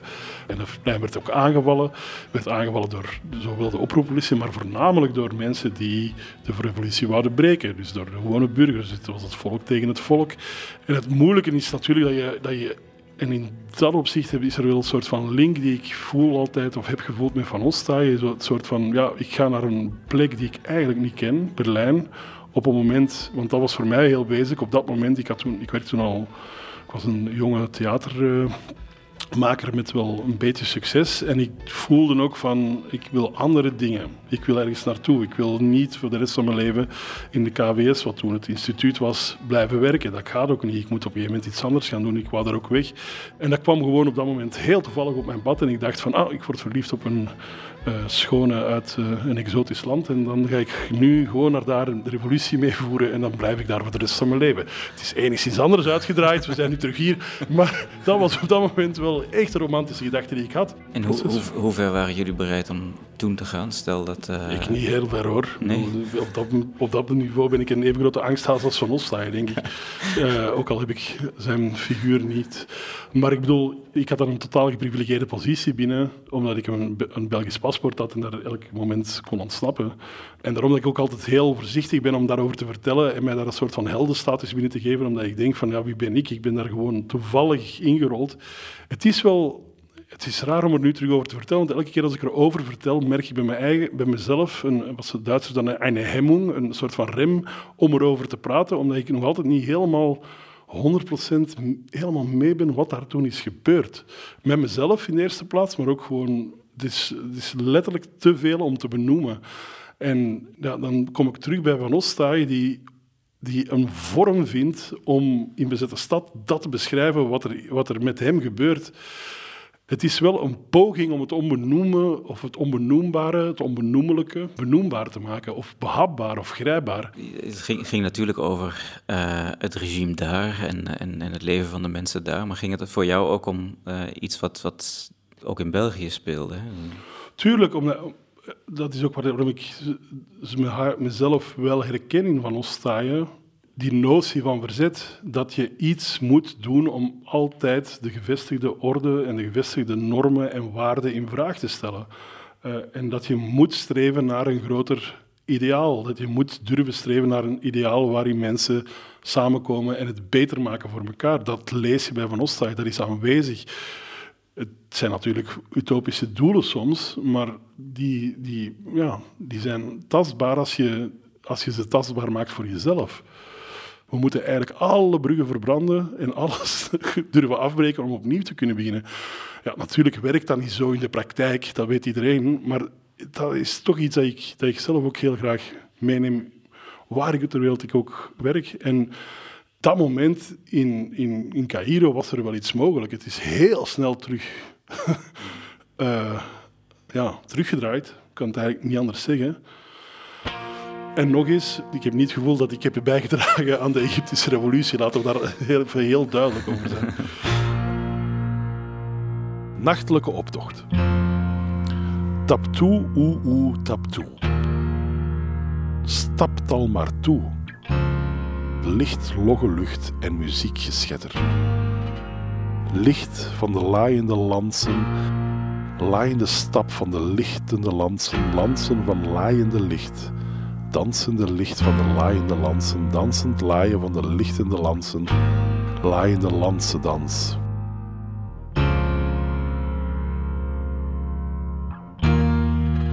Lichtende lampen, laaiende lampen, licht van laaiende lampen, dans van laaiende lampen, cadans van lichtende lampen, cadans van laaiende lampen dans van de lucht in ik moet zeggen, waaiende lampen. Um, waaiende dans van de lucht in laaiende lampen. Ik had het er altijd, sinds dat ik Nederlands heb geleerd, vond ik het heel erg moeilijk om... om... Laaiende cadans in de waaiende lampendans. Cadans van lampendans, licht van lampen. Als woorden niet helemaal correct gespeld zijn, om dat, om dat te begrijpen, want dan had ik zoiets van, ja maar... Stappen op straat. Dat moet zo, en ik heb dat zo geleerd. Stappen breken de straat. En nu schrijft hij dat verkeerd, hoe kan dat nu? Stramme stappen breken de straat, horizontaal, verticaal, vooral diagonaal. Dan was ik heel, heel, in, heel erg in de war.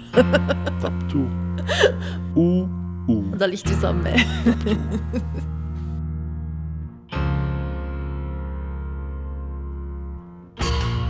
Ik wil ook graag met Machid Mohajerin praten.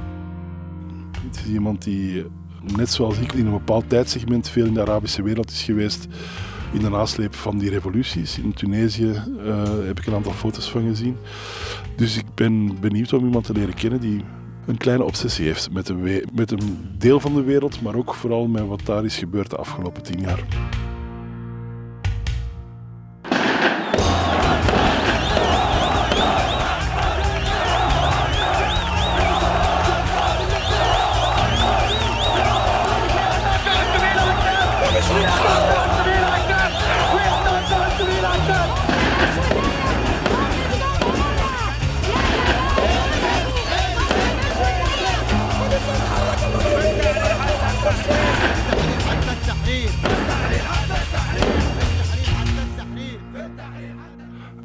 Revoluties?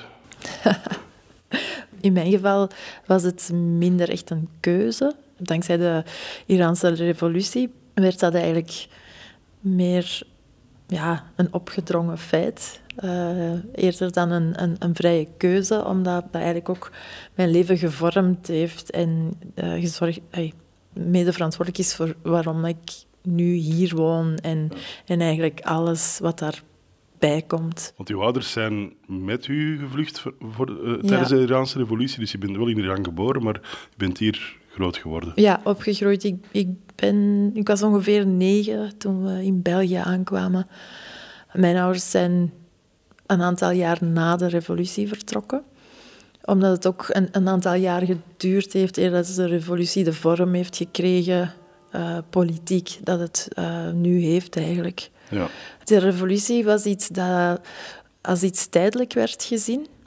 En de tijdelijkheid daarvan zorgt ervoor dat, dat je, als je vertrekt, dat je er niet van uitgaat van en nu begin ik een nieuw leven en daar, daar stopt het bij. Het is, een, het is eigenlijk een soort pauze of zo. Je ziet dat eigenlijk als uh, we hebben heel, heel lang gedacht dat we terug gingen gaan. Dus uh, dan blijf je ook veel meer verbonden, omdat je zoiets hebt van, aha, nu gaat het gebeuren en nu is er uh, een, een, een, uh, een contra-revolutie en we gaan terug, teruggaan naar iets anders. En dat is uiteindelijk nog steeds niet gebeurd.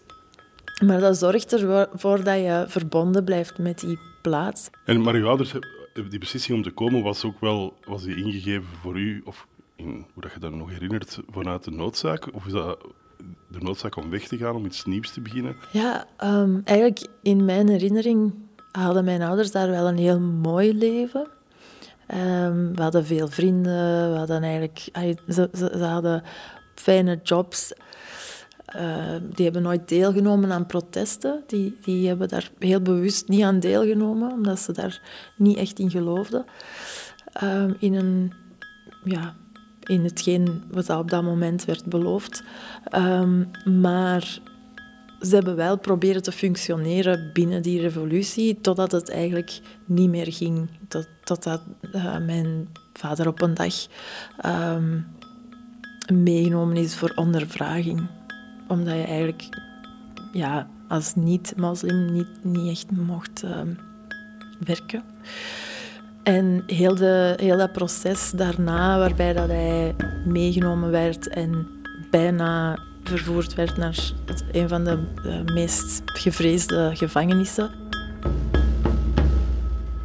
Mijn grootmoeder is dan eigenlijk uh, uh, snel verwittigd geweest. Die is met mijn moeder daar naartoe gegaan op het moment dat ze die bijna gingen vervoeren. En heeft eigenlijk die mensen kunnen overtuigen ja, uh, om, om hem later mee te nemen.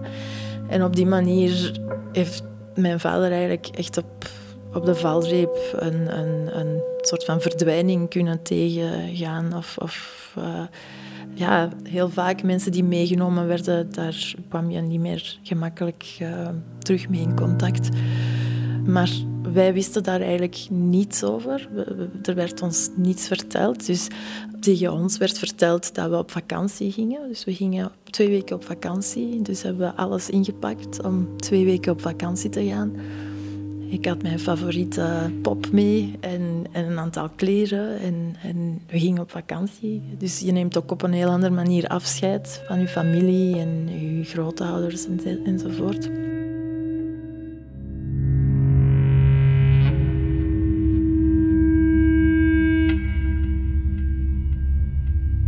Hoe is dat voor u om hier dan op te groeien en de keuze te maken om fotograaf te worden?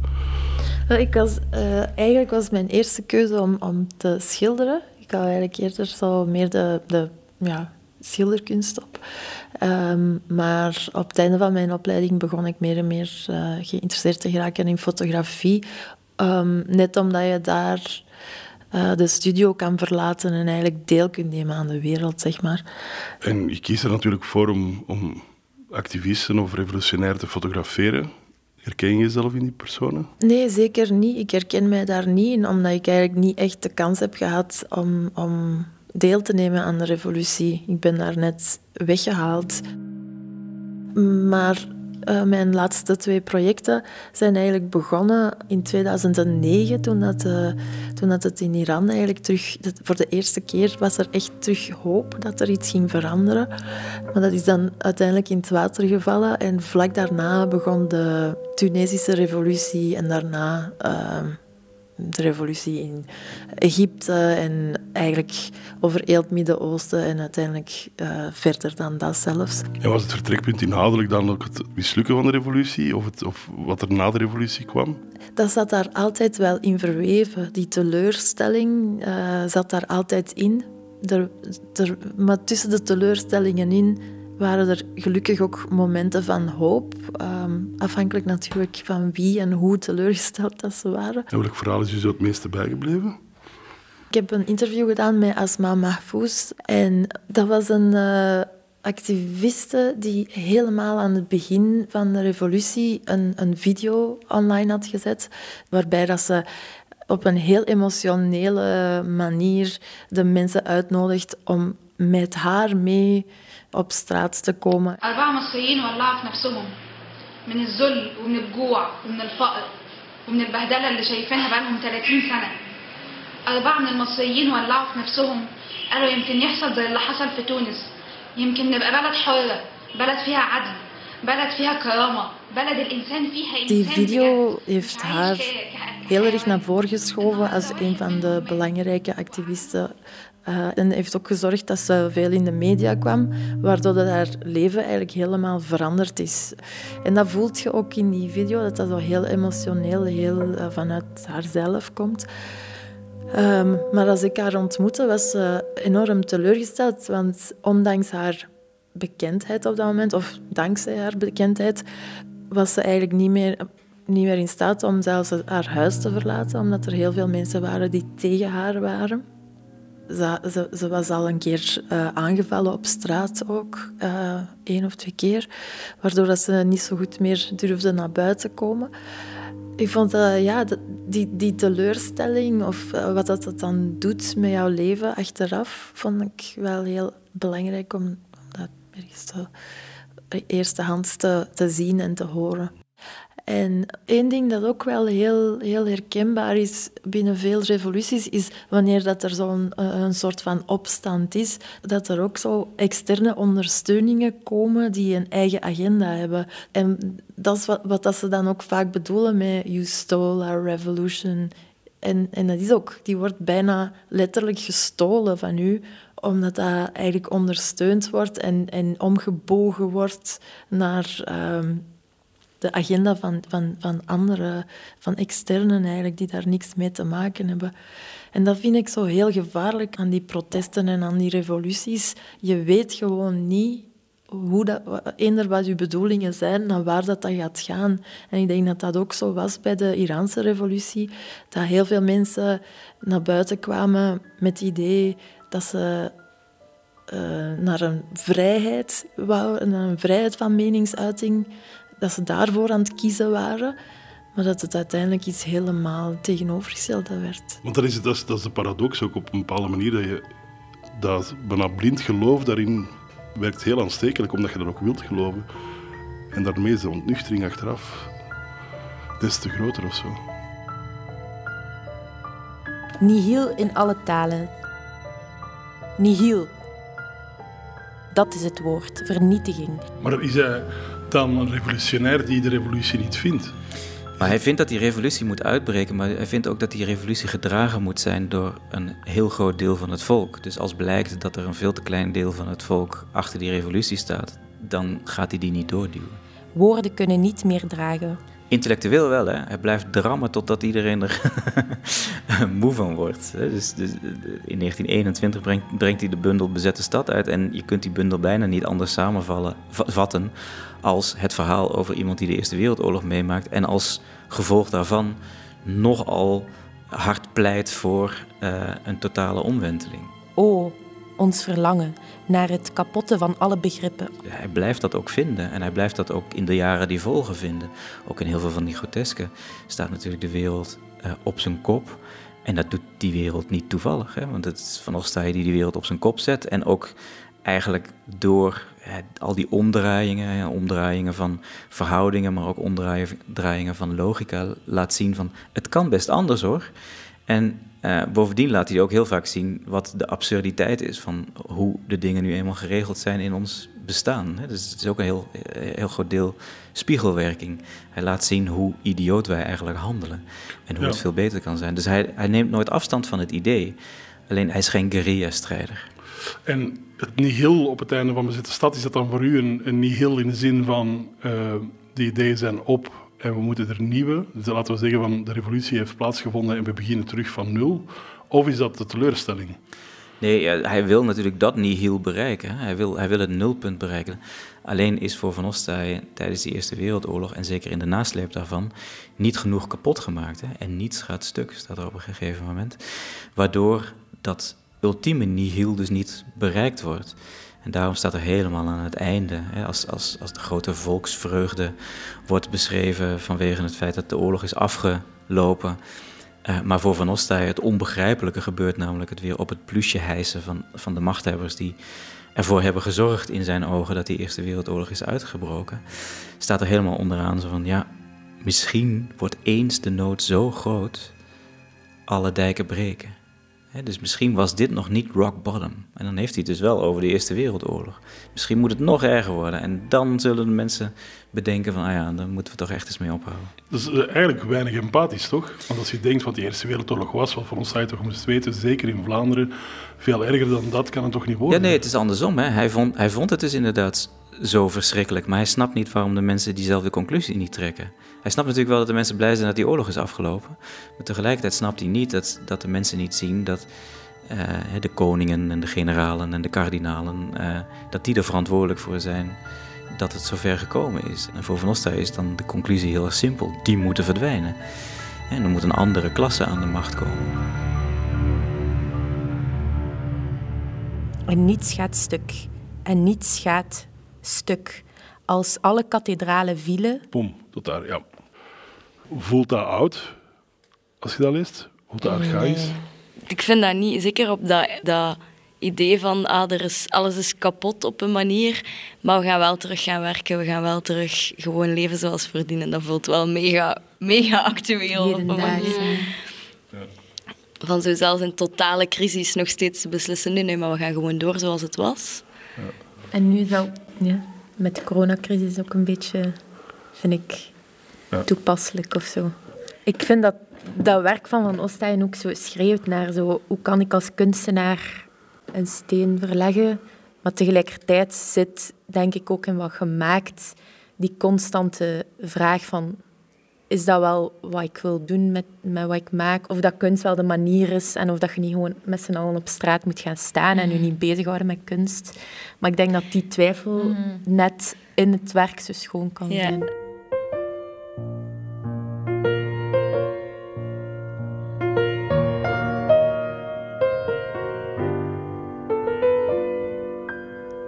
Et pendant ce temps-là, moi je fais La la la la la la la la la la la la la Le temps passera, tout ça s'effacera. L'histoire coulera, on ne sera plus là.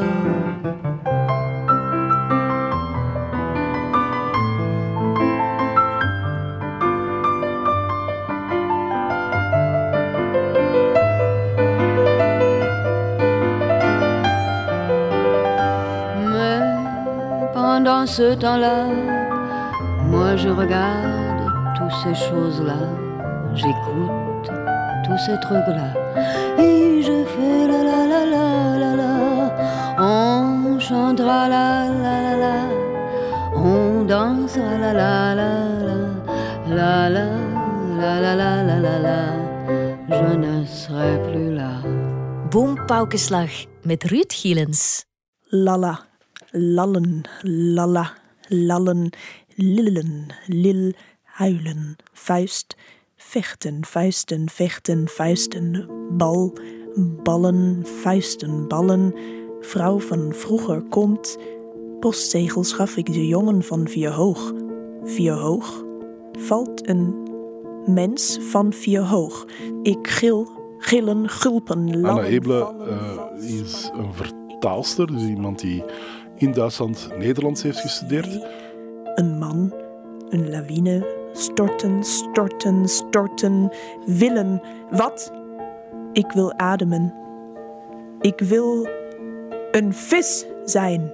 En ik ben wel benieuwd eh, wie dat zij is, omdat zij blijkbaar de feest van angst en pijn van Wandelstaaien naar het Duits heeft vertaald. Er, er zitten regels tussen die je blijft onthouden, ook al wil je dat niet per se. Zoals? Nu ben ik benieuwd. Ik wil een vis zijn. Ah ja. Bijvoorbeeld. Hè? Dat, ehm, dat lees je één keer en, en je, je vergeet het nooit meer. Hallo Anna, jij bent eh, vertaler-tolk, dus jij praat normaal gezien Duits, maar jij praat bijna of perfect Nederlands. Nou ja, nou dat, dat zeg jij nu. Maar als je nog een, nog een aantal uren naar mij moet luisteren, dan zeg je het niet meer. Ik heb eh, Nederlands gestudeerd in Münster. Dat is eh, ook niet zo heel lang geleden. Dus eh, ik ik kan nog wel heel veel bijleren. Want je kende, allee, bedoel, sprak je al Nederlands toen je het ging studeren? Nee, nee, nog niet. Omdat, eh, dat was een van de redenen om het wel te doen. Om een taal te leren die ik nog niet kan. En ik, ik wist eigenlijk niet zo goed wat ik moest verwachten van die studie. En dat was meteen in de, ik denk, een van de eerste semesters. ehm, een soort einführung, eh, inleiding Nederlandse literatuurgeschiedenis. En toen ook meteen Paul van Ostaaien natuurlijk. Echt? Ja, Dus, eh, de, dus Paul van Ostaaien wordt gedoseerd aan de Universiteit in Münster. natuurlijk. Ja, En vertel uiteraard. eens, je, de- ontdekt Paul van Ostaaien, wat gebeurt er dan met een mens? Nou, van alles. Hij was toen wel een van veel schrijvers die ik ontdekte binnen heel korte tijd. Maar uiteraard wel een van degenen die, die me bijbleven. Van wie ik dacht, dit, ehm, dit is zo'n grote schrijver. Waarom kent niet iedereen Paul van Ostaaien? En ja, Dat is een vraag die ik ook heb. ja het is toch eh, bizar eigenlijk, hè? Hoe, hoe weinig die eh, wordt gelezen in het Duitse taalgebied. Hoe goed was zijn Duits eigenlijk? Ehm, aanvankelijk niet zo heel erg goed, want hij heeft altijd dispensatie gehad voor dat vak. Om de een of andere mij nog steeds niet duidelijke reden eh, hoefde hij dat vak niet te volgen op dat te nemen. Ehm, en het grappige is ook wel dat hij... eh, hij komt al heel snel in contact met eh, interessante mensen. Een Berlijnse schrijver, Adolf Knoblauch heette die man. Echt? Ja, Fantastisch. niet, niet, on- niet ongelooflijk bekend geworden, maar die... Adolf Knoflook. ja. Echt? Ja. Eh, die was gelegerd geweest in België en die had dan nog een tijdje eh, ergens in de, in de buurt van Hasselt, meen ik, ergens in, in Limburg in ieder geval. had, had ze even een oponthoud gehad en daar was hij een boekhandel binnengegaan en die had daar een nummer gekocht van het tijdschrift De Stroom en daar stond het eerste deel van expressionisme in Vlaanderen in. Een, belangrijk artikel van Van Ostaaij waarin hij uitlegt van eh, hoe het met de moderne kunst in Vlaanderen eh, eraan toe is. En dat eh, was blijkbaar in geslaagd om dat te lezen, die knooplaag. En had daar ook een stuk van vertaald. Niet zozeer met de bedoeling om dat dan ergens te publiceren, maar vooral om aan zijn vrienden te laten zien van kijk, hier is iemand die heeft dat begrepen. En op het moment dat hij doorhad dat Van Ostaaij in Berlijn was, dan kreeg hij gelijk uitnodigingen overal vandaan. Hij mocht bij Knooplaag komen, maar ook gelijk bij eh, eh, Lionel Feininger en zijn vrouw. Lionel Feininger, echt een ge- geweldige schilder, die ook op dat moment al wat ouder was, maar enorm veel aanzien had, ook in die beweging. Sowieso die eerste kerst die ze daar meemaken, dan zijn ze nog maar net in Berlijn. Dan de eerste kerstdag brengen ze door met eh, Walter Mering, eh, de, bijvoorbeeld een goede vriend van George Groos, of in ieder geval heel, werkte heel erg samen met hem. Eh, de tweede kerstdag konden ze dan bij de familie Feininger op de, de koffie. Dat is allemaal niet slecht, hè? Zijn Wat vindt u het moeilijkste aan Van Ostaaien vertalen? Mm, ja, dat is meestal hè, dat het de vervreemdende technieken zijn. Dus als, het, als de taal afwijkt van het standaard taalgebruik, om dat één te detecteren en twee dat over te hevelen naar iets nieuws in het Duits. Kan je een, een voorbeeld geven van iets waar je mee hebt geworsteld? Van de feesten van angst en pijn? Ja, ik zelfs zo. Laten we gaan naar de, de allereerste zin misschien van. Graag, ja. Dat is uit De Moordenaars. En dan staat er in het Nederlands: zijn rustig, onrustig, tussen pet en neus, de ogen, vergaart schaduw het gelaat, wisselt schaduw, wisselt het gelaat. Bijvoorbeeld dat. Rustig, onrustig, dat is al lastig in het Duits. Want als je zegt ruhig, unruhig, dan is unruhig al niet meer onrustig eigenlijk hier in, in deze context. En dan had ik een vrij lange ähm, discussie over tussen pet en neus. Zwischen Mütze und Nase. Dat klinkt ook naar niks, maar ähm, als je het omdraait tussen ähm, nase en mutse, dan is nog steeds mutse een heel vreemd woord. Maar een pet, als je het letterlijk zou vertalen, zou het eigenlijk een Shiba-mutse zijn. Dat is nog een lelijker woord. Dit wordt heel beter, dit gesprek. Ja? Dus dan eh, tussendoor was het zelfs eh, tussen nase en mutsenschirm. Dus het woord wordt steeds langer en Ja. raarder en, en erger eigenlijk. Maar ook een beetje preciezer. Maar dan weet je wel waar, waar het probleem ligt. Ja. Dus hier is eigenlijk geen Duits woord voor pet. Shiba-mutsen zouden nog eh, Ja. het, ja, de meeste Maar dat overeenkomsten klinkt alweer hebben. zo slecht. Klinkt slecht. Hij had natuurlijk zijn artistieke vrienden, maar hoe bekend is hij daar geworden? Heeft hij daar iets achtergelaten dat we vandaag nog kunnen op betekenis noemen? Het hele verhaal eh, over Van Ostay is, is een tragisch verhaal. Hè? Het, het is echt een verhaal van iemand die, als hij wat andere persoonlijkheid had gehad, hè, dus wat meer een netwerker was geweest bijvoorbeeld, als hij wat minder principieel was geweest, dan was hij wereldberoemd geweest. Eh, Dat zeggen ze over mij ook, Matthijs. ja. Ja. Maar eh, zeker in het begin, hè, toen, toen Van Ostay in Berlijn aankwam, leert hij dus al die mensen kennen. En eh, ja, binnen de, laten we zeggen, bi- binnen de twee maanden liggen er allemaal ideeën eh, op de plank. Van we gaan een tijdschrift oprichten en we gaan er een, ook een galerie bij oprichten. Maar het probleem is natuurlijk, Van Ostay die komt daar aan als nieuweling en is heel erg goed in het verwoorden van wat hij denkt dat het expressionisme is. En dat vinden heel veel mensen ook heel erg interessant. En die willen dat allemaal horen. En die vinden dan natuurlijk het ook heel erg interessant om na te denken over een nieuw tijdschrift en een nieuwe galerie. Maar voor Van Ostay is dat allemaal vanaf nul beginnen. Die andere mensen die zaten eigenlijk al bij een galerie en die konden eigenlijk al bij een andere tij- tijdschrift terecht. Dus op het moment dat het echt georganiseerd moet worden en dat er geld gevonden moet worden, ja, dan komt het allemaal op de schouders van Van Ostay en dan lukt dat niet. Ehm, de ene teleurstelling naar de andere maakt hij, maakt hij daardoor. Maar grappig genoeg is hij toch wel zo opgevallen in Duitsland dat toen hij in 1928 stierf, er wel een kleine vermelding van in de Duitse pers komt. Dus ja, hij heeft niet zo heel veel eh, achtergelaten in de zin van veel publicaties eh, eh, of, of, of eh, wapenfeiten waar ze nog jaren over spraken. Maar als persoon heeft hij wel indruk gemaakt. Eh, Anna, is het te vertalen van Ostaaien? Valt dat te vertalen? Nou ja, uiteindelijk valt alles te vertalen, Oké. zou ik zeggen. Want er zijn natuurlijk mensen die zeggen, nou, poëzie kun je toch niet vertalen. Of Ja. het is dan iets anders, maar niet meer het oorspronkelijke werk. Dat klopt wel, het is iets anders. Het, moet, eh, het werkt dan hopelijk wel in het Duits. Maar het is niet meer hetzelfde als het oorspronkelijke werk. Ehm, En komt het tot zijn recht in het Duits van Ostaaien? Poeh, ja, dat, dat is inderdaad nog de vraag. Dat, ehm, ik denk dat hij wel tot zijn recht kan komen in het Duits, ja. Als het goed is, dan vind je altijd zoveel nieuwe mooie dingen. Dat het wordt verrijkt en niet, ehm, ja, niet kleiner wordt gemaakt dan het ooit was. Dat, dat is ook het fijne voor, ook een mooi tegenargument voor de mensen die altijd zeggen: ja, maar poëzie kun je toch niet vertalen. Ja, dat kan wel. Maar je, je moet er wel mee kunnen leven dat het iets anders wordt. En dat wordt het sowieso. Kan je die eerste zin van eh, de feesten van angst en pijn, kan je die nu eens eh, lezen wat daar, hoe die geworden is, voorlopig? Voorlopig, want dat is nog niet af, hè? Nee, voorlopig inderdaad nog steeds de kladversie. Maar het is nu geworden. Sind ruhig, unruhig zwischen Nase und Mütze. Die Augen. Sammelt Schatten das Gesicht. Wechselt Schatten. Wechselt das Gesicht.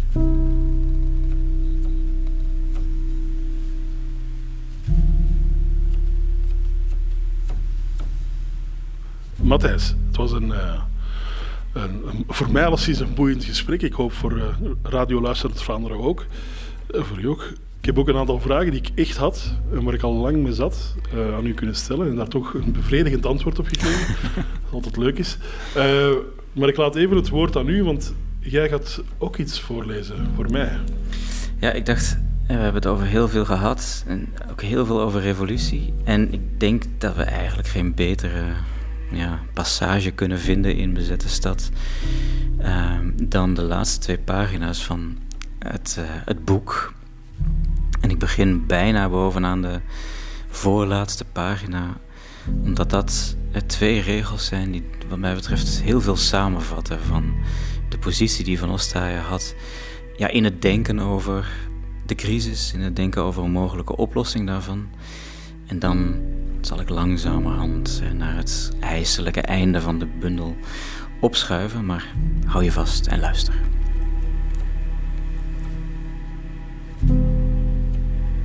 De bezetting houdt op. De bezetting begint. Potpourri, want het is feest. Nationale hymne, nationale helden, nationale linten, alles nationaal. Hulde aan de koninklijke vulven. Vive la nation. De extase, meneer, vergeet niet de extase. Kadavers, rotten, riolen. Tous les soirs, grande manifestation patriotique. Hopeloos warla, patriotische films, patriotisch bier, patriotisch kalfsvlees. De soldaten zijn dood, leven de helden. Allons, travailler. Ach, waarom? Waarom? Waarom? Ligt nou niet te klessen, het leven. Alles is zonder zin nu. Kattendrek. Vive Max! Leven de gekropeerden! Misschien wordt eens de nood zo groot, alle dijken breken.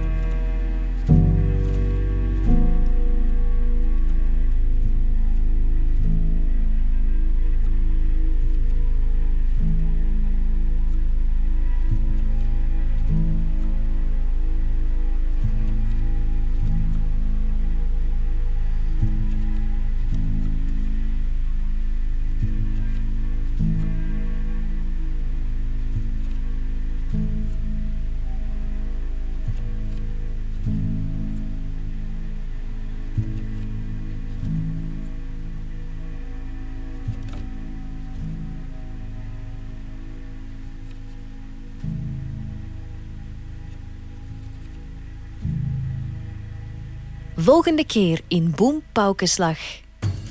Ja, ik neem aan dat, eh, dat we beginnen bij Wereldoorlog 1, want Wereldoorlog 1 en bezette stad zijn, vrees ik, onlosmakelijk met elkaar verbonden.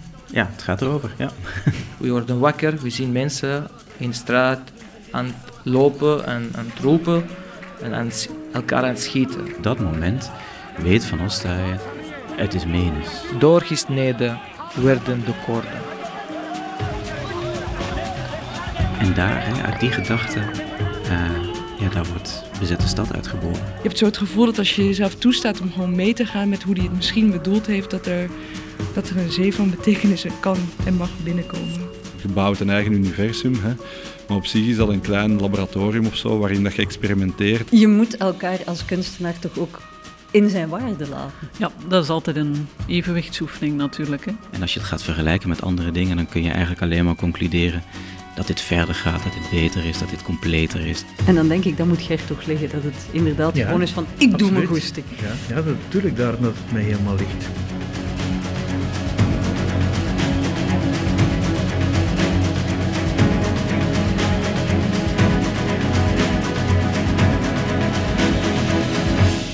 En het werd grotendeels in eerste instantie niet gezien. Dat vind ik dan als kunstenaar iets heel geruststellend.